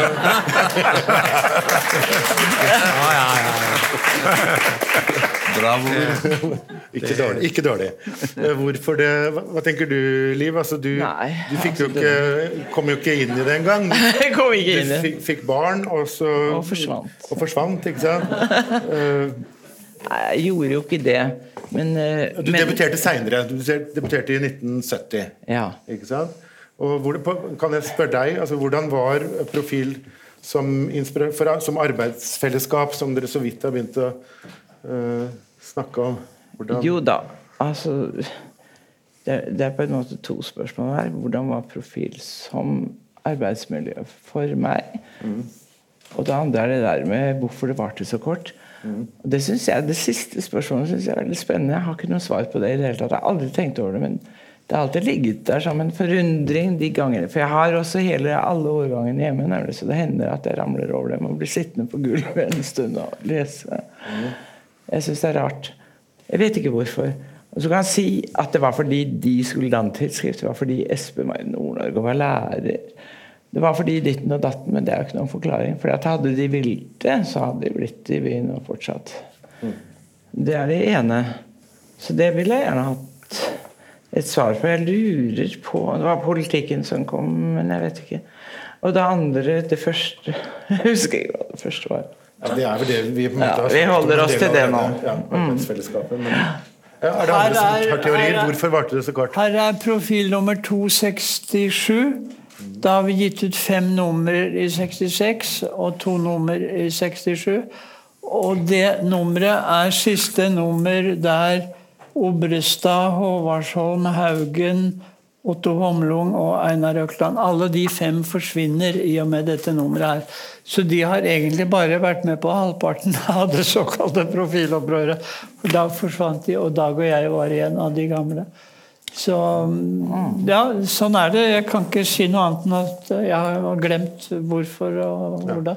Men jeg, jeg husker det med det der det bladet dere skulle lage som aldri ble noe. Ja. Du må jo ha vært den som hadde mest å tape på når begynte du i, når begynte du i vinduet? Eh, Jeg begynte i vinduet altså Jeg måtte jo tjene penger, vi skulle ha barn. Ja, ja. Jeg måtte, altså det, det, det, ikke sant? det er blitt sagt her at grunnen til at vi kunne lage tidsskrift Vi var unge og frie og hadde tid til det og hadde penger til det. Men veldig fort så fikk jo Liv og jeg barn og ble, måtte ha inntekter. De var Og dermed så måtte måtte De var 20 år. Ja, ikke sant? Vi er 21 da Dag ble født, da. Men Så altså, så, så, så, så 14.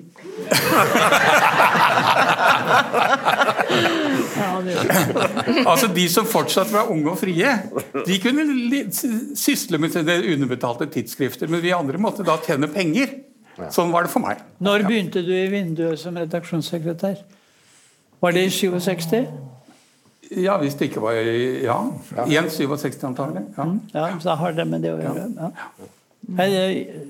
Nei, No regrets. Ja, men da kan jeg supplere der med noen fakta. For altså, på den tid så, så ble Tor Aabostad rekruttert som kritiker i Aftenposten. Og han fikk også tilbud i frispråk, fordi han skrev for Aftenpostens språk. Da, sånn. Øh, Men det, han, der trakk han seg når han hadde snakka med oss andre. Men han ble i Aftenposten, og Dag ble spurt om å være kritiker i Arbeiderbladet, men han skrev én bokmelding, og så dro han seg tilbake. Eller kanskje to.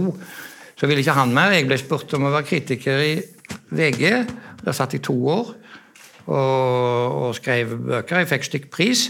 Ikke fastlønn, men jeg fikk 150 kroner for hver bok. Og kunne bare la være hvis det var en dårlig bok. Trengte ikke skrive, men da fikk jeg ikke penger heller. Så jeg anmeldte på det godt og dårlig. Selvsagt, for pengenes skyld. Men altså, for å gå et skritt videre Espen har helt rett. Altså Det vi ville, var å finansiere skrivinga vår. Det var ikke for å ha visse posisjoner, men vi ville ha penger nok til at vi kunne klare oss bare med å skrive det vi ville. Og de fleste av oss har fått det til på et eller annet vis. Og det er den Etterpå har det kommet mange andre som syntes at det der var ikke så dumt. Eh, Så det er en av ettervirkningene er at det er flere heltidsforfattere, heter det da. i, i Det betyr ikke at de ikke gjør masse andre ting for å tjene penger.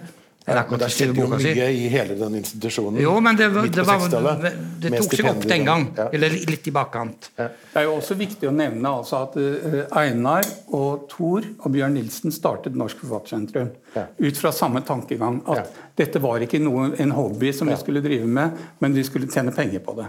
Og Da Kjell Askildsen ble daglig leder i Norsk Forfattersentrum, så sa han ofte at eh, poenget med det er todelt Norsk Forfattersentrum har en todelt oppgave.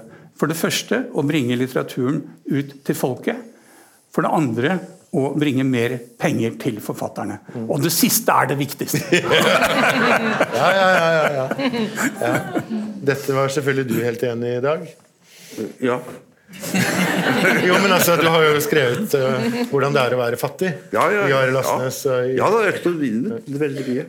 Men du har også skrevet altså, om, Du har skrevet om hvordan det er å være fattig i en havnekystby i Spania, Nerja.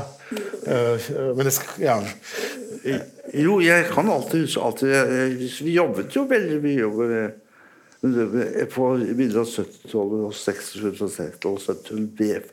Og det, det, det var jo prekær, da. Det, det, og en av årsakene til at, at, at Phil ikke varte lenger, ja. helt sikkert det er veldig viktig for oss.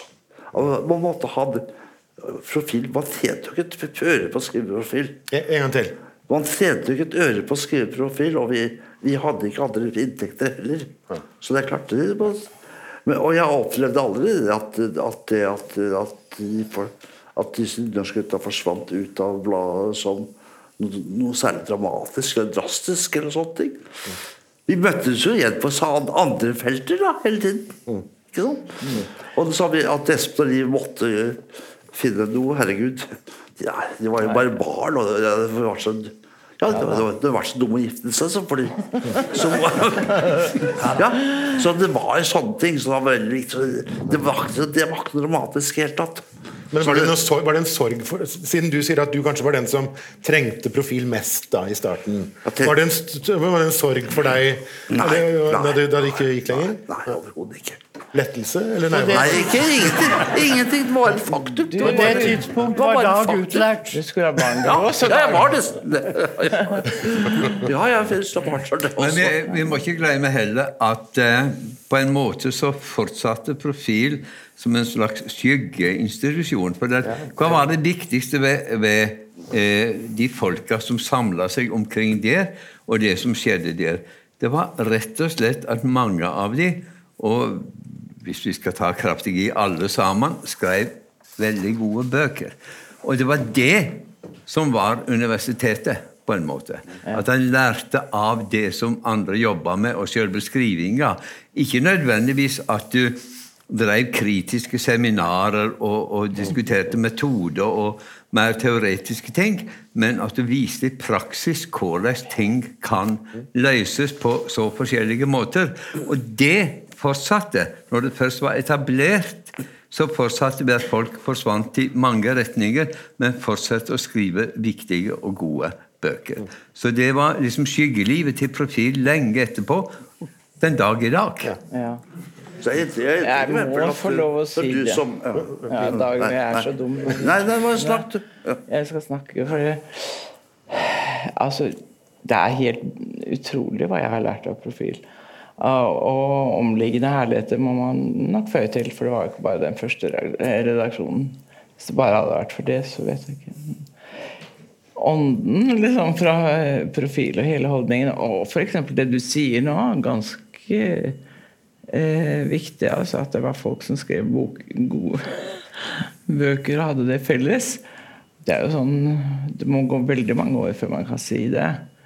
Og vi sa jo ikke noe sånt den gangen, men det var det det var. En forfatterskole, og jeg husker jo Dag og Espen.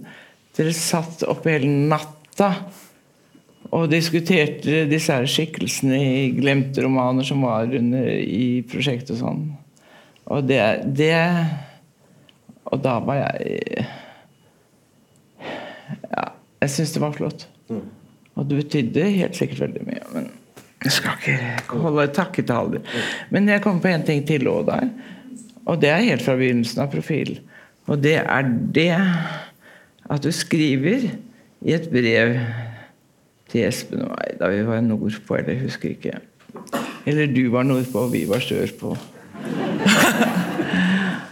At øh, jo øh, Jeg så forresten Kanskje det var Finn Jord.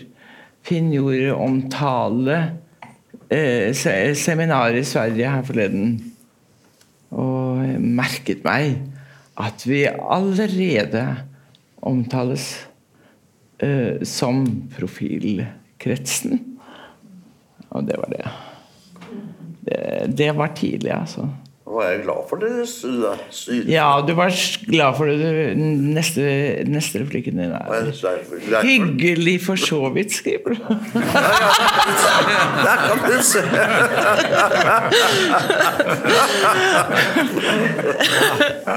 Da kan jeg gjette at du var ganske glad for Jeg tror, jeg tror en annen viktig ting var at vi kunne le av hverandre. det var ikke bare det at vi kunne lære av hverandre, vi kunne også le av hverandre. Sånn at når vi, når vi kom med våre forskjellige utspill altså Vi var jo noen unge flågviter alle sammen, på hver måte. Og når, når det vi sa var for dumt eller for tåpelig, eller noe vi skrev eller vi leste opp for hverandre, og, og det ikke funka, vi traff ikke tonen, så lo vi av hverandre. Men det var en slags blanding av kjærlig latter, øm latter og aggressiv latter som, var, som gjorde oss mer voksne. Altså Vi ble mer hardhudede, og og vi lærte av hverandre. Jan Erik? Jeg tenkte på at en etterakst etter profil var jo det at eh, eh, på Pax forlag så stiftet noen av oss det som heter Pax Lyrikk-serien. Og der kom, jo, der kom jo Allen Ginsberg på norsk, og der kom Helge Rykkja. Og, og der kom Kari Bøge og Jan Boyer og Petter Biksel og litt av hvert. Og, og det, det på, pågikk jo også i fem års tid. Robert Creeley. Robert Creeley kom, ja. Så det var, og det var i samme ånd, da. Og det, det var jo det var Georg Johannessen og Obrestad og meg. Og så sa Georg ja, jeg kjenner Kjell Heggelund. Og, og så ble han også med. Og det var, det var Jon Elster og, og, og, Hans Fredrik Dahl i Pax som foreslo dette. Og det ble realisert, og vi holdt på i fem år og, og ga ut en 20 bøker. Dag? Nei, det er klart det, det, det, det, det utvidelseøkt, og profil er nok viktigere profil selv. Jeg, jeg tenker jo det at disse var ved, eksempel, altså uh, Kjell Heggelund, eksempel, så, så vidt, som jeg da, for første gang i 67 hadde egentlig, Han var jo egentlig profiler profil han også, og betydde fryktelig mye for meg. Og det andre folk så hadde hvem vel at ja, Det første som kom inn av kvinner, var faktisk Ellen Runden. Hun kom inn for hans, hun kom inn, Hvis ha Hun hadde skrevet et jævla godt dikt om en om, om, om svarte sin. Om- Den svarte genseren. Ja, Beyoncé var det. Ja, ja, ja. ja. Jeg har to kjoler. ja, ja, ja, ja. En rød Ja, og en svart. Ja, akkurat. Ja. Sånne kom inn, og, det, og Cecilie Løve ble tatt veldig fort inn.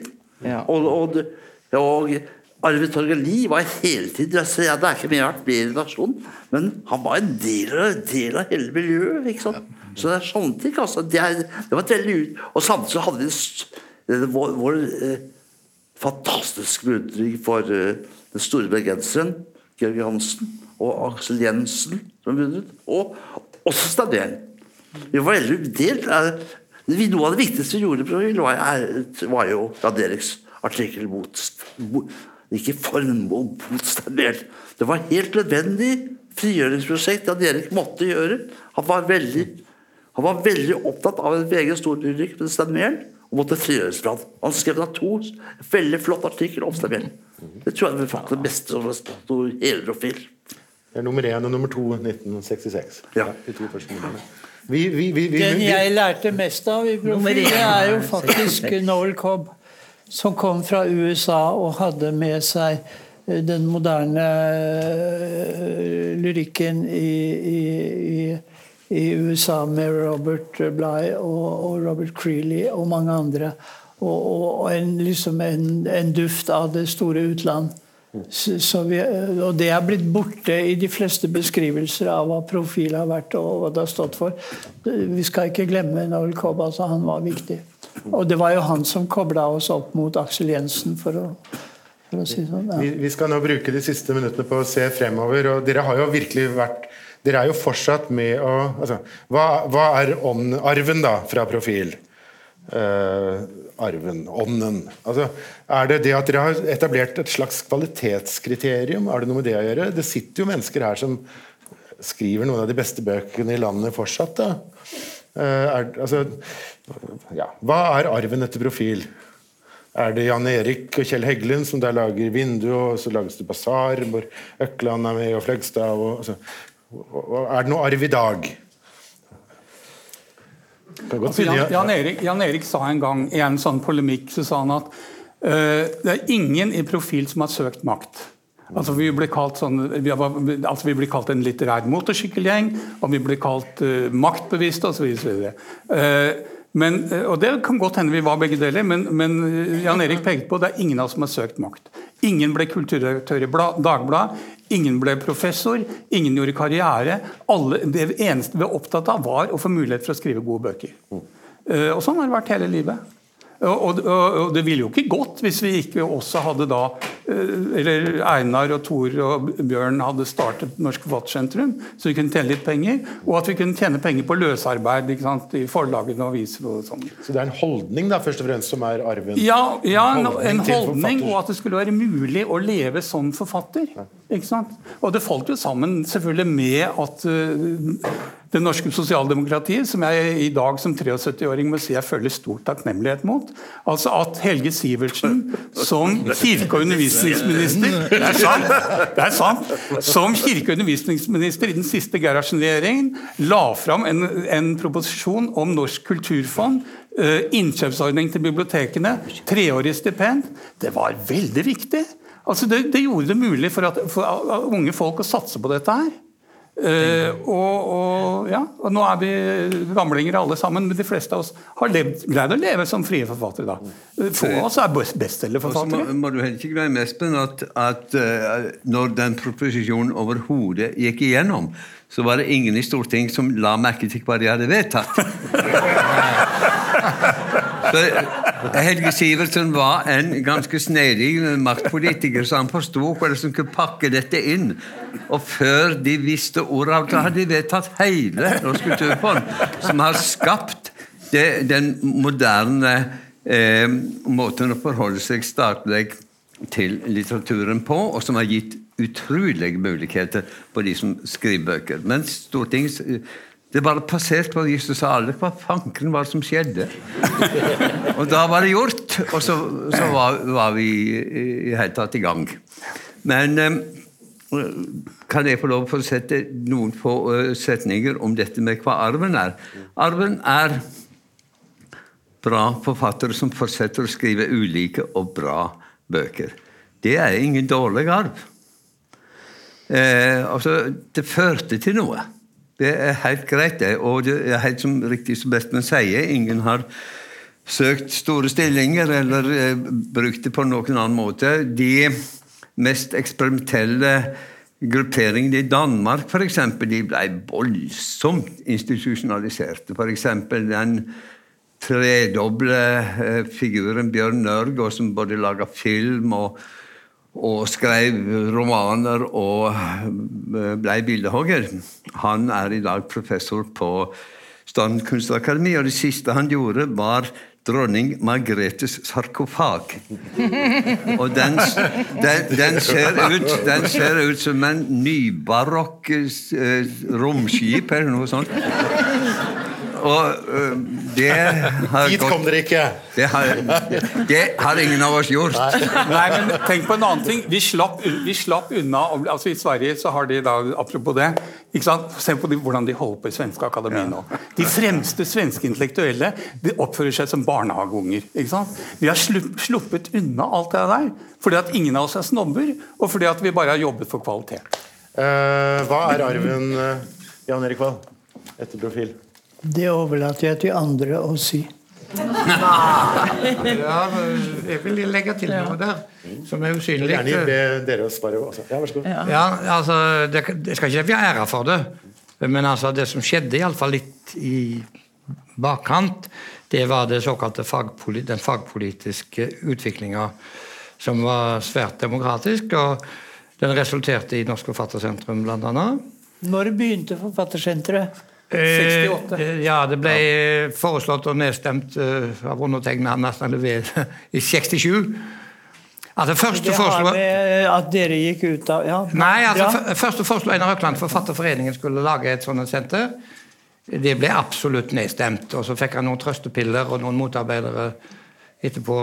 Men iallfall, han tok det opp igjen en gang til, takket være klapp på skuldra fra Haldis Moren Vesaas, blant annet ta det en gang til, så skal jeg støtte deg, og skal få noen andre. Så nedsatte de en komité for å utrede det. Og da måtte selvsagt forslagsstilleren være med der, og så ble Tor Obrestad og Bjørn Nilsen med. Så la vi dette frem på et nytt uh, svært møte. Og da sa den ja, jo, dette er bra, uh, men de må gjerne gjøre det, men det må aldri ha noe med Den norske forfatterforening å gjøre. Det var jo det beste. De ble selvstendige, men uten noe der. Og Så søkte jeg noen 2000 kroner til prøvedrift, og så jobba vi andre gratis hvis jeg hadde vært utreda. Og, og, og det ble etablert, og det ekspanderte, og den neste store ekspansjonen kom i høy grad fra Bergen, der Elisabeth Arman begynte med forfatterbesøk i grunnskolen osv. Og, så videre, og fikk masse penger og støtte til dette. Men de som skrev barnebøker, de hadde dårlige kår og sånn. og noen av oss begynte å skrive barnebøker, og så gikk vi med samme tradisjon inn der og sa ja, skal vi ikke ha det like godt som de voksenbokforfatterne? Nei, hold nå opp. Vi må tenke på barna. Bøker skal være billige og gratis. og sånn og sånn. Etter en tid så ble det likhet i forhold til innkjøpsordninger og mye. Det tok masse tid og krangel. Så kom det noen andre som ville skrive fagbøker. Det var en som het Bjørn Bjørnsen, husker dere han? Han skrev Ja, biografi om Manardo. Og 9. april var en dagsskildring og sånn. Han mente tusen, vi må jo ha Vi kommer jo ikke inn i Den norske forfatterforening, for vi skriver ikke romaner. Nei vel. Og han hata oss og skjelte oss ut. Og en gang tok han og med en annen kollega på snekkeren som det heter, på Håndverkeren i Oslo, en kafé, et kraftig oppgjør med Einar Økland, som representerte da Den norske forfatterforening, mente han at vi var noen jekta tullinger. Nei, men så sa jeg Start din egen, så går det. Ja, I dag har vi altså det norske system der barnebøker, fagbøker, er likestilt med de andre i de fleste offisielle ting. Det er en demokratisk likhetsutvikling som jeg vil eh, si at vi har i hvert fall vært med å Ja, bra. og, og fremme det. Sånn. For noen måtte jo gjøre den drittjobben. Men ingen av oss ville være noen veldig bosser i det. Så der har de andre rett. Vi ville sitte og skrive, og så la pengene komme likevel. Jeg skal, vil spørre likevel Liv og Dag da, til slutt om arven, men kan jeg spørre det på en annen måte? Dag, er profil overvurdert? Bare for å Det, det vet jeg ikke egentlig. Men det, altså, det er klart Hvis man ser profilens eh, artikler står det, så er det ikke mange som er spesielt gode der. Ja, det, det, er faktisk Bortsett fra ja, Erik har skrevet noe godt. Einar har også skrevet noe godt. Ikke så veldig godt, han har skrevet mye bedre andre steder. Om det samme, men altså, så det er ikke så veldig mange gode artikler der. Det er det ikke. Men det betydde nok. Det som sto der, betydde nok en del, som vi har snakket om en dag. Altså. Så øh, deg hvis, du, hvis noen går tilbake og sier 'jøss, så dårlig det tidsskriftet var', så har de sikkert helt rett. Men uh, samtidig så er det klart at det var, det var en tid, og er, så vi, poenget er at det, det, det er jo heller ingen tid som kommer tilbake. Mange har snakket om selvtilliten som var blant oss, og sånne ting, og det kunne vært sunget mye på. Eh, ja, jeg kunne det. Og, eh, og, det, og det, det skyldes tida selv, og den er, tida er eksisterer ikke lenger. Og, det, og så snakket vi om økonomiforfatter, og den er i dag katastrofal. De, de, som skal, de som nå skal være fattere må se å få seg en fast jobb fortest mulig i et forlag som konsulent, og så, og så skrive på fritida si. Det er ikke noe annet meg. Ellers må det selvfølgelig bli bestselger. selvfølgelig. Det kan det selvfølgelig. Men det var ikke vårt mål. Var, vårt mål var aldri å bli er vel- Husk på, Vi syntes det var dumt å være bestselger. Jeg hadde sagt det er én pris jeg aldri vil ha, og det er bokhandlerprisen. Jeg, tar jeg, jeg vil heller ha Riksmålsprisen enn bokhandlerprisen. Og det holder jeg fast ved. ok, så er det konklusjonen? da? Det, det var en gullalder, og den er forbi? Ja. Eh, hva sier du, Liv? Arven Jeg tenkte å gjøre noe lurt. Ja, du får siste ordet. Fordi at eh, jeg tror det er, altså Jeg fant et uttrykk her i sted som jeg grep begjærlig. Og det er at for meg er egentlig Eller ja, eh, sikkert for dere andre også. Jeg snakker om indre erfaring. Profil er en indre erfaring. Jeg grep meg selv i å tenke et sånt halvradikalt resonnement om et eller annet her for noen dager siden. Jeg husker ikke hva det handlet om. Men jeg tenkte det der ville jeg aldri tenkt hvis jeg ikke hadde ramla opp i den banden den gangen. Og, og sånn og sånn. Og så tenker jeg nå at jeg skal være frekk, for jeg har en liten, bitten, bitten tekst. Og den syns jeg oser av en atmosfære eh, som, eh, som jeg klar, Eller vi i fellesskap klarte å jage eller lufte ut på en eller annen måte. Eh, I den perioden da vi holdt på med dette tidsskriftet og rundt omkring. Altså det, det, vi, det er en som har nevnt, flere har nevnt at vi kunne ha blitt akademikere. Ja. Og jeg har kanskje et negativt forhold til akademia. Det vet jeg ikke. Akademia. Men jeg leser nå den denne teksten uten mer mas og innledning. Så jeg heller lese noe morsomt etterpå. Å skrive bøker har mer med seksualitet å gjøre enn de fleste mennesker forestiller seg. Hun satt på Nasjonalbiblioteket en dag i mai og tenkte dette. Utenfor blomstret kastanjene. Parken og rundkjøringen myldret av sol og trafikk. Og på fortauet i Skåveien satt franske mødre med franske klær og fransk parfyme i bilene sine. De skulle hente opp barna som kom fra den franske skolen. Og kanskje var det atmosfæren i et lille kvartal med utenlandsk preg som hadde satt henne på ideen. Men som om det skulle være en farlig tese, forstyrret hun straks seg selv med å tenke på noe mindre spennende. Snart husket hun ikke lenger eh, resonnementet som hadde ført til den overraskende konklusjonen. På håndskriftsalen var hun alene Vinduet sto på klem og slapp inn lydene fra gaten. Å tenke på drifters herjinger mens tidligere tiders kulturbærere så ned på henne med bronsehodene sine fra toppen av bokhyllene og mørke kartotekskuffer med verdig innhold omga henne, kjentes betydningsløst, som det alltid hadde gjort i slike omgivelser. Helt fra dagdrømmen ved skolepulten og tiden senere på lesesalen på universitetet. Frem til dette øyeblikket, da hun bladde i gulnede brev på jakt etter flere detaljer om forbindelsen mellom to forfattere fra det forrige århundret. Hun tenkte dette. Hun var til rett etter at hun i flere timer hadde lest dokumentet med en skrift som var vanskelig å tyde. Hun skjøv papirene sammen, gikk ned trappene og satte seg på en bjørk i parken. Der vendte hun ansiktet mot solen og kjente strålene mot kinnet. Hun følte seg forlatt. Alene. Det var det.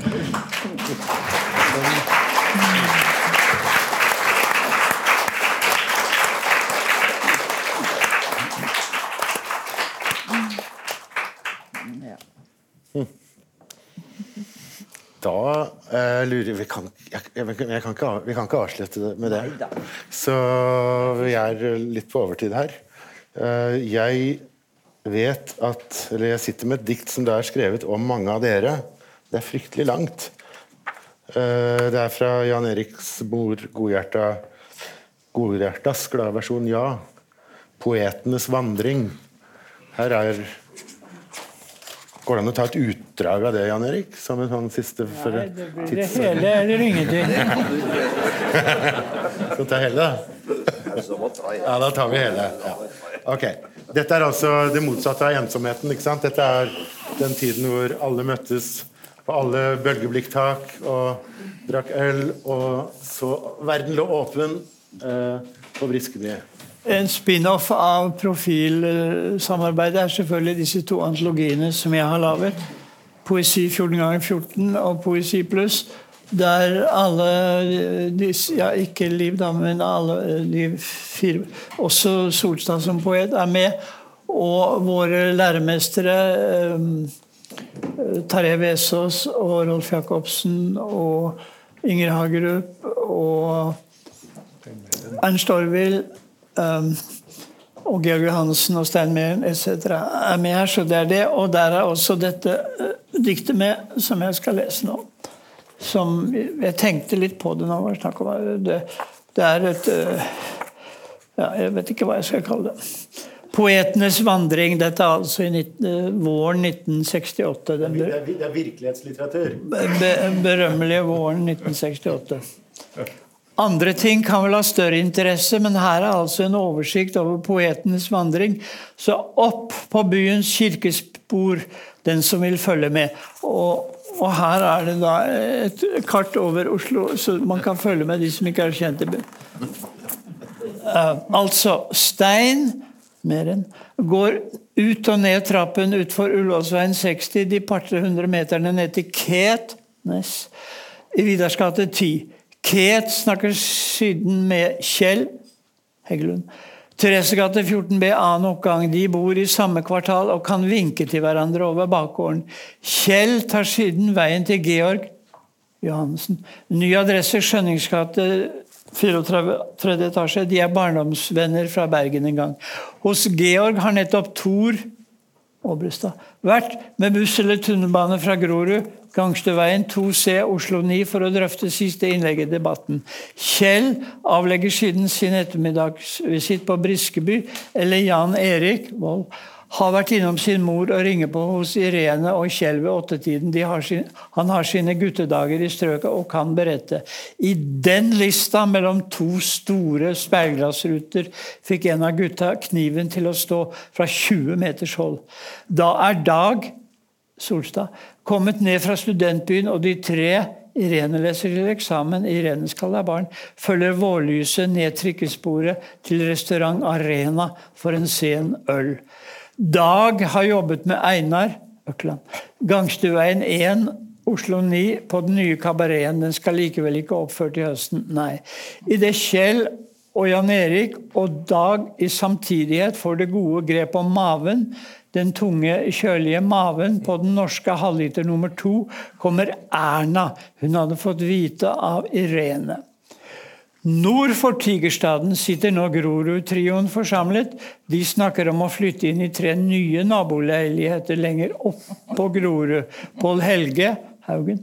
Adresse Erik Mogensens vei 2A utgjør her trekantens tredje og spissvinklede hjørne. Et Nordtvedt-Nordtvedt veitretriangel.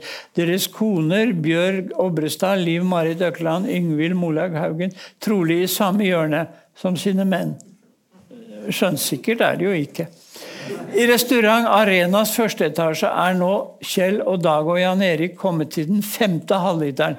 Og Erna skal også ha barn. Følger godt med. Idet Dag med et henrykt skrik over kafébåsen har funnet igjen det 16. og siste hovedserielaget fra hovedseriens åpning en gang tidlig på 50-tallet, kommer utkasteren. For det var Sparta! Med sitt karateoppsyn, og vennene fortrekker til Briskeby, der resten av døgnet og litt av neste spanderes på våren. Det er våren som feires. Våren, den umulige grønnhårede. Våren uten Gunnar Ekeløv. Robert Kennedy fremdeles i live. Våren med kone ved sin side for Dag. Våren vennene for første gang er samlet. Samlet om våren. Alt som truer våren, alt som fremelsker våren. Krigen er brutt ut, vi veit det, om stadig uerklart. Gravalvoret sender rundt sine daglige opprop for håpet og virkeligheten, det tredimensjonale verdensbildet og den allmenne ros bevarelse. Det er en tyng, tyngre skyts de putter i kanonene sine etter hvert. Jurymedlemmene, kulturredaktørene, rabattbutikkene, styreformennene, de bevilgende myndigheters, hele TV-kritikerlaugets råpælm mot smilet og spurvene, den fremstrakte hånd, de genuine forsnakkelser og trikkenes blåfarve. Og jo, det gamet kan vi. Herr Edvardsen, herr direktør Edvardsen. Vi veit vi blir snytt, vi er alle direktører nå. Vi kan alle trykke oss små hvite visittkort og strø etter oss på bordene hvis det er det det kommer an på. But that's all over now. Baby Blue, vi betaler ikke lenger penger under bordet. Vi flytter heller til Ulefoss. Skal vi ut av Nato, tar vi en tur til Sverige. Gjør deg? Gamletida er slutt, herr Edvardsen. Jan Erik og Dag har forlatt det lukkede rom og står ute under vårnatthimmelen på Albin Ups bølgeblikktak Ute under vårnatthimmelen over Uranienborg menighet. Vårnatthimmelen som ligger lukket over oss alle, som ligger åpen over oss alle. Fritt valg der, med stjerner på, en og annen. Dag og Jan Erik står på bølgeblikk. Og på bølgeblikk finner all karate sin vei til havet. Og den eneste mulige konklusjonen, den at livet, skjønt det tier de om, de to der ute på taket. Livet nok er verdt å leve ute på taket inne i rommet om våren eller om høsten. Gift eller ugift, født eller ufødt. De ufødte trengende på for å slippe ut av mavene. De fødte trengende på for å Ja, for hva? Å jo, køen består, køen består. Den har sine regler, men ingen ende. Ikke den køen, men ennå intet forbud mot å steppe ut av køen for en natt. Et skritt til siden og ut av vinduet. Gå ut og sette seg på taket og telle til fire inni seg blant underlig oppstikkende trehusgavler. Ja da, vi veit de skal rives. Sette seg ned den 10. mai med hake i hånden under himmelen og kjenne etter, virkelig kjenne etter hvordan det er fatt, og komme til det resultatet at det er ganske brukbart fatt. Og ja, jo, det er ingen fare. Hjertet banker og pulsen lever. Det er bare å puste ut og tie. Puste ut og høre etter der ute. Da hører man Bob Dylan inne fra rommet. There must be some way out of here, said the joker to the thief. Ja visst fins det en vei ut. Det er bare å gå ut på taket, det. Se Dag og Jan Erik. Erna og Kjell står i vinduet med bekreftende åsyn. Å jo, forestillingen er pengene verdt. Og snart, snart så begynner, ja, svarttrosten. Mm.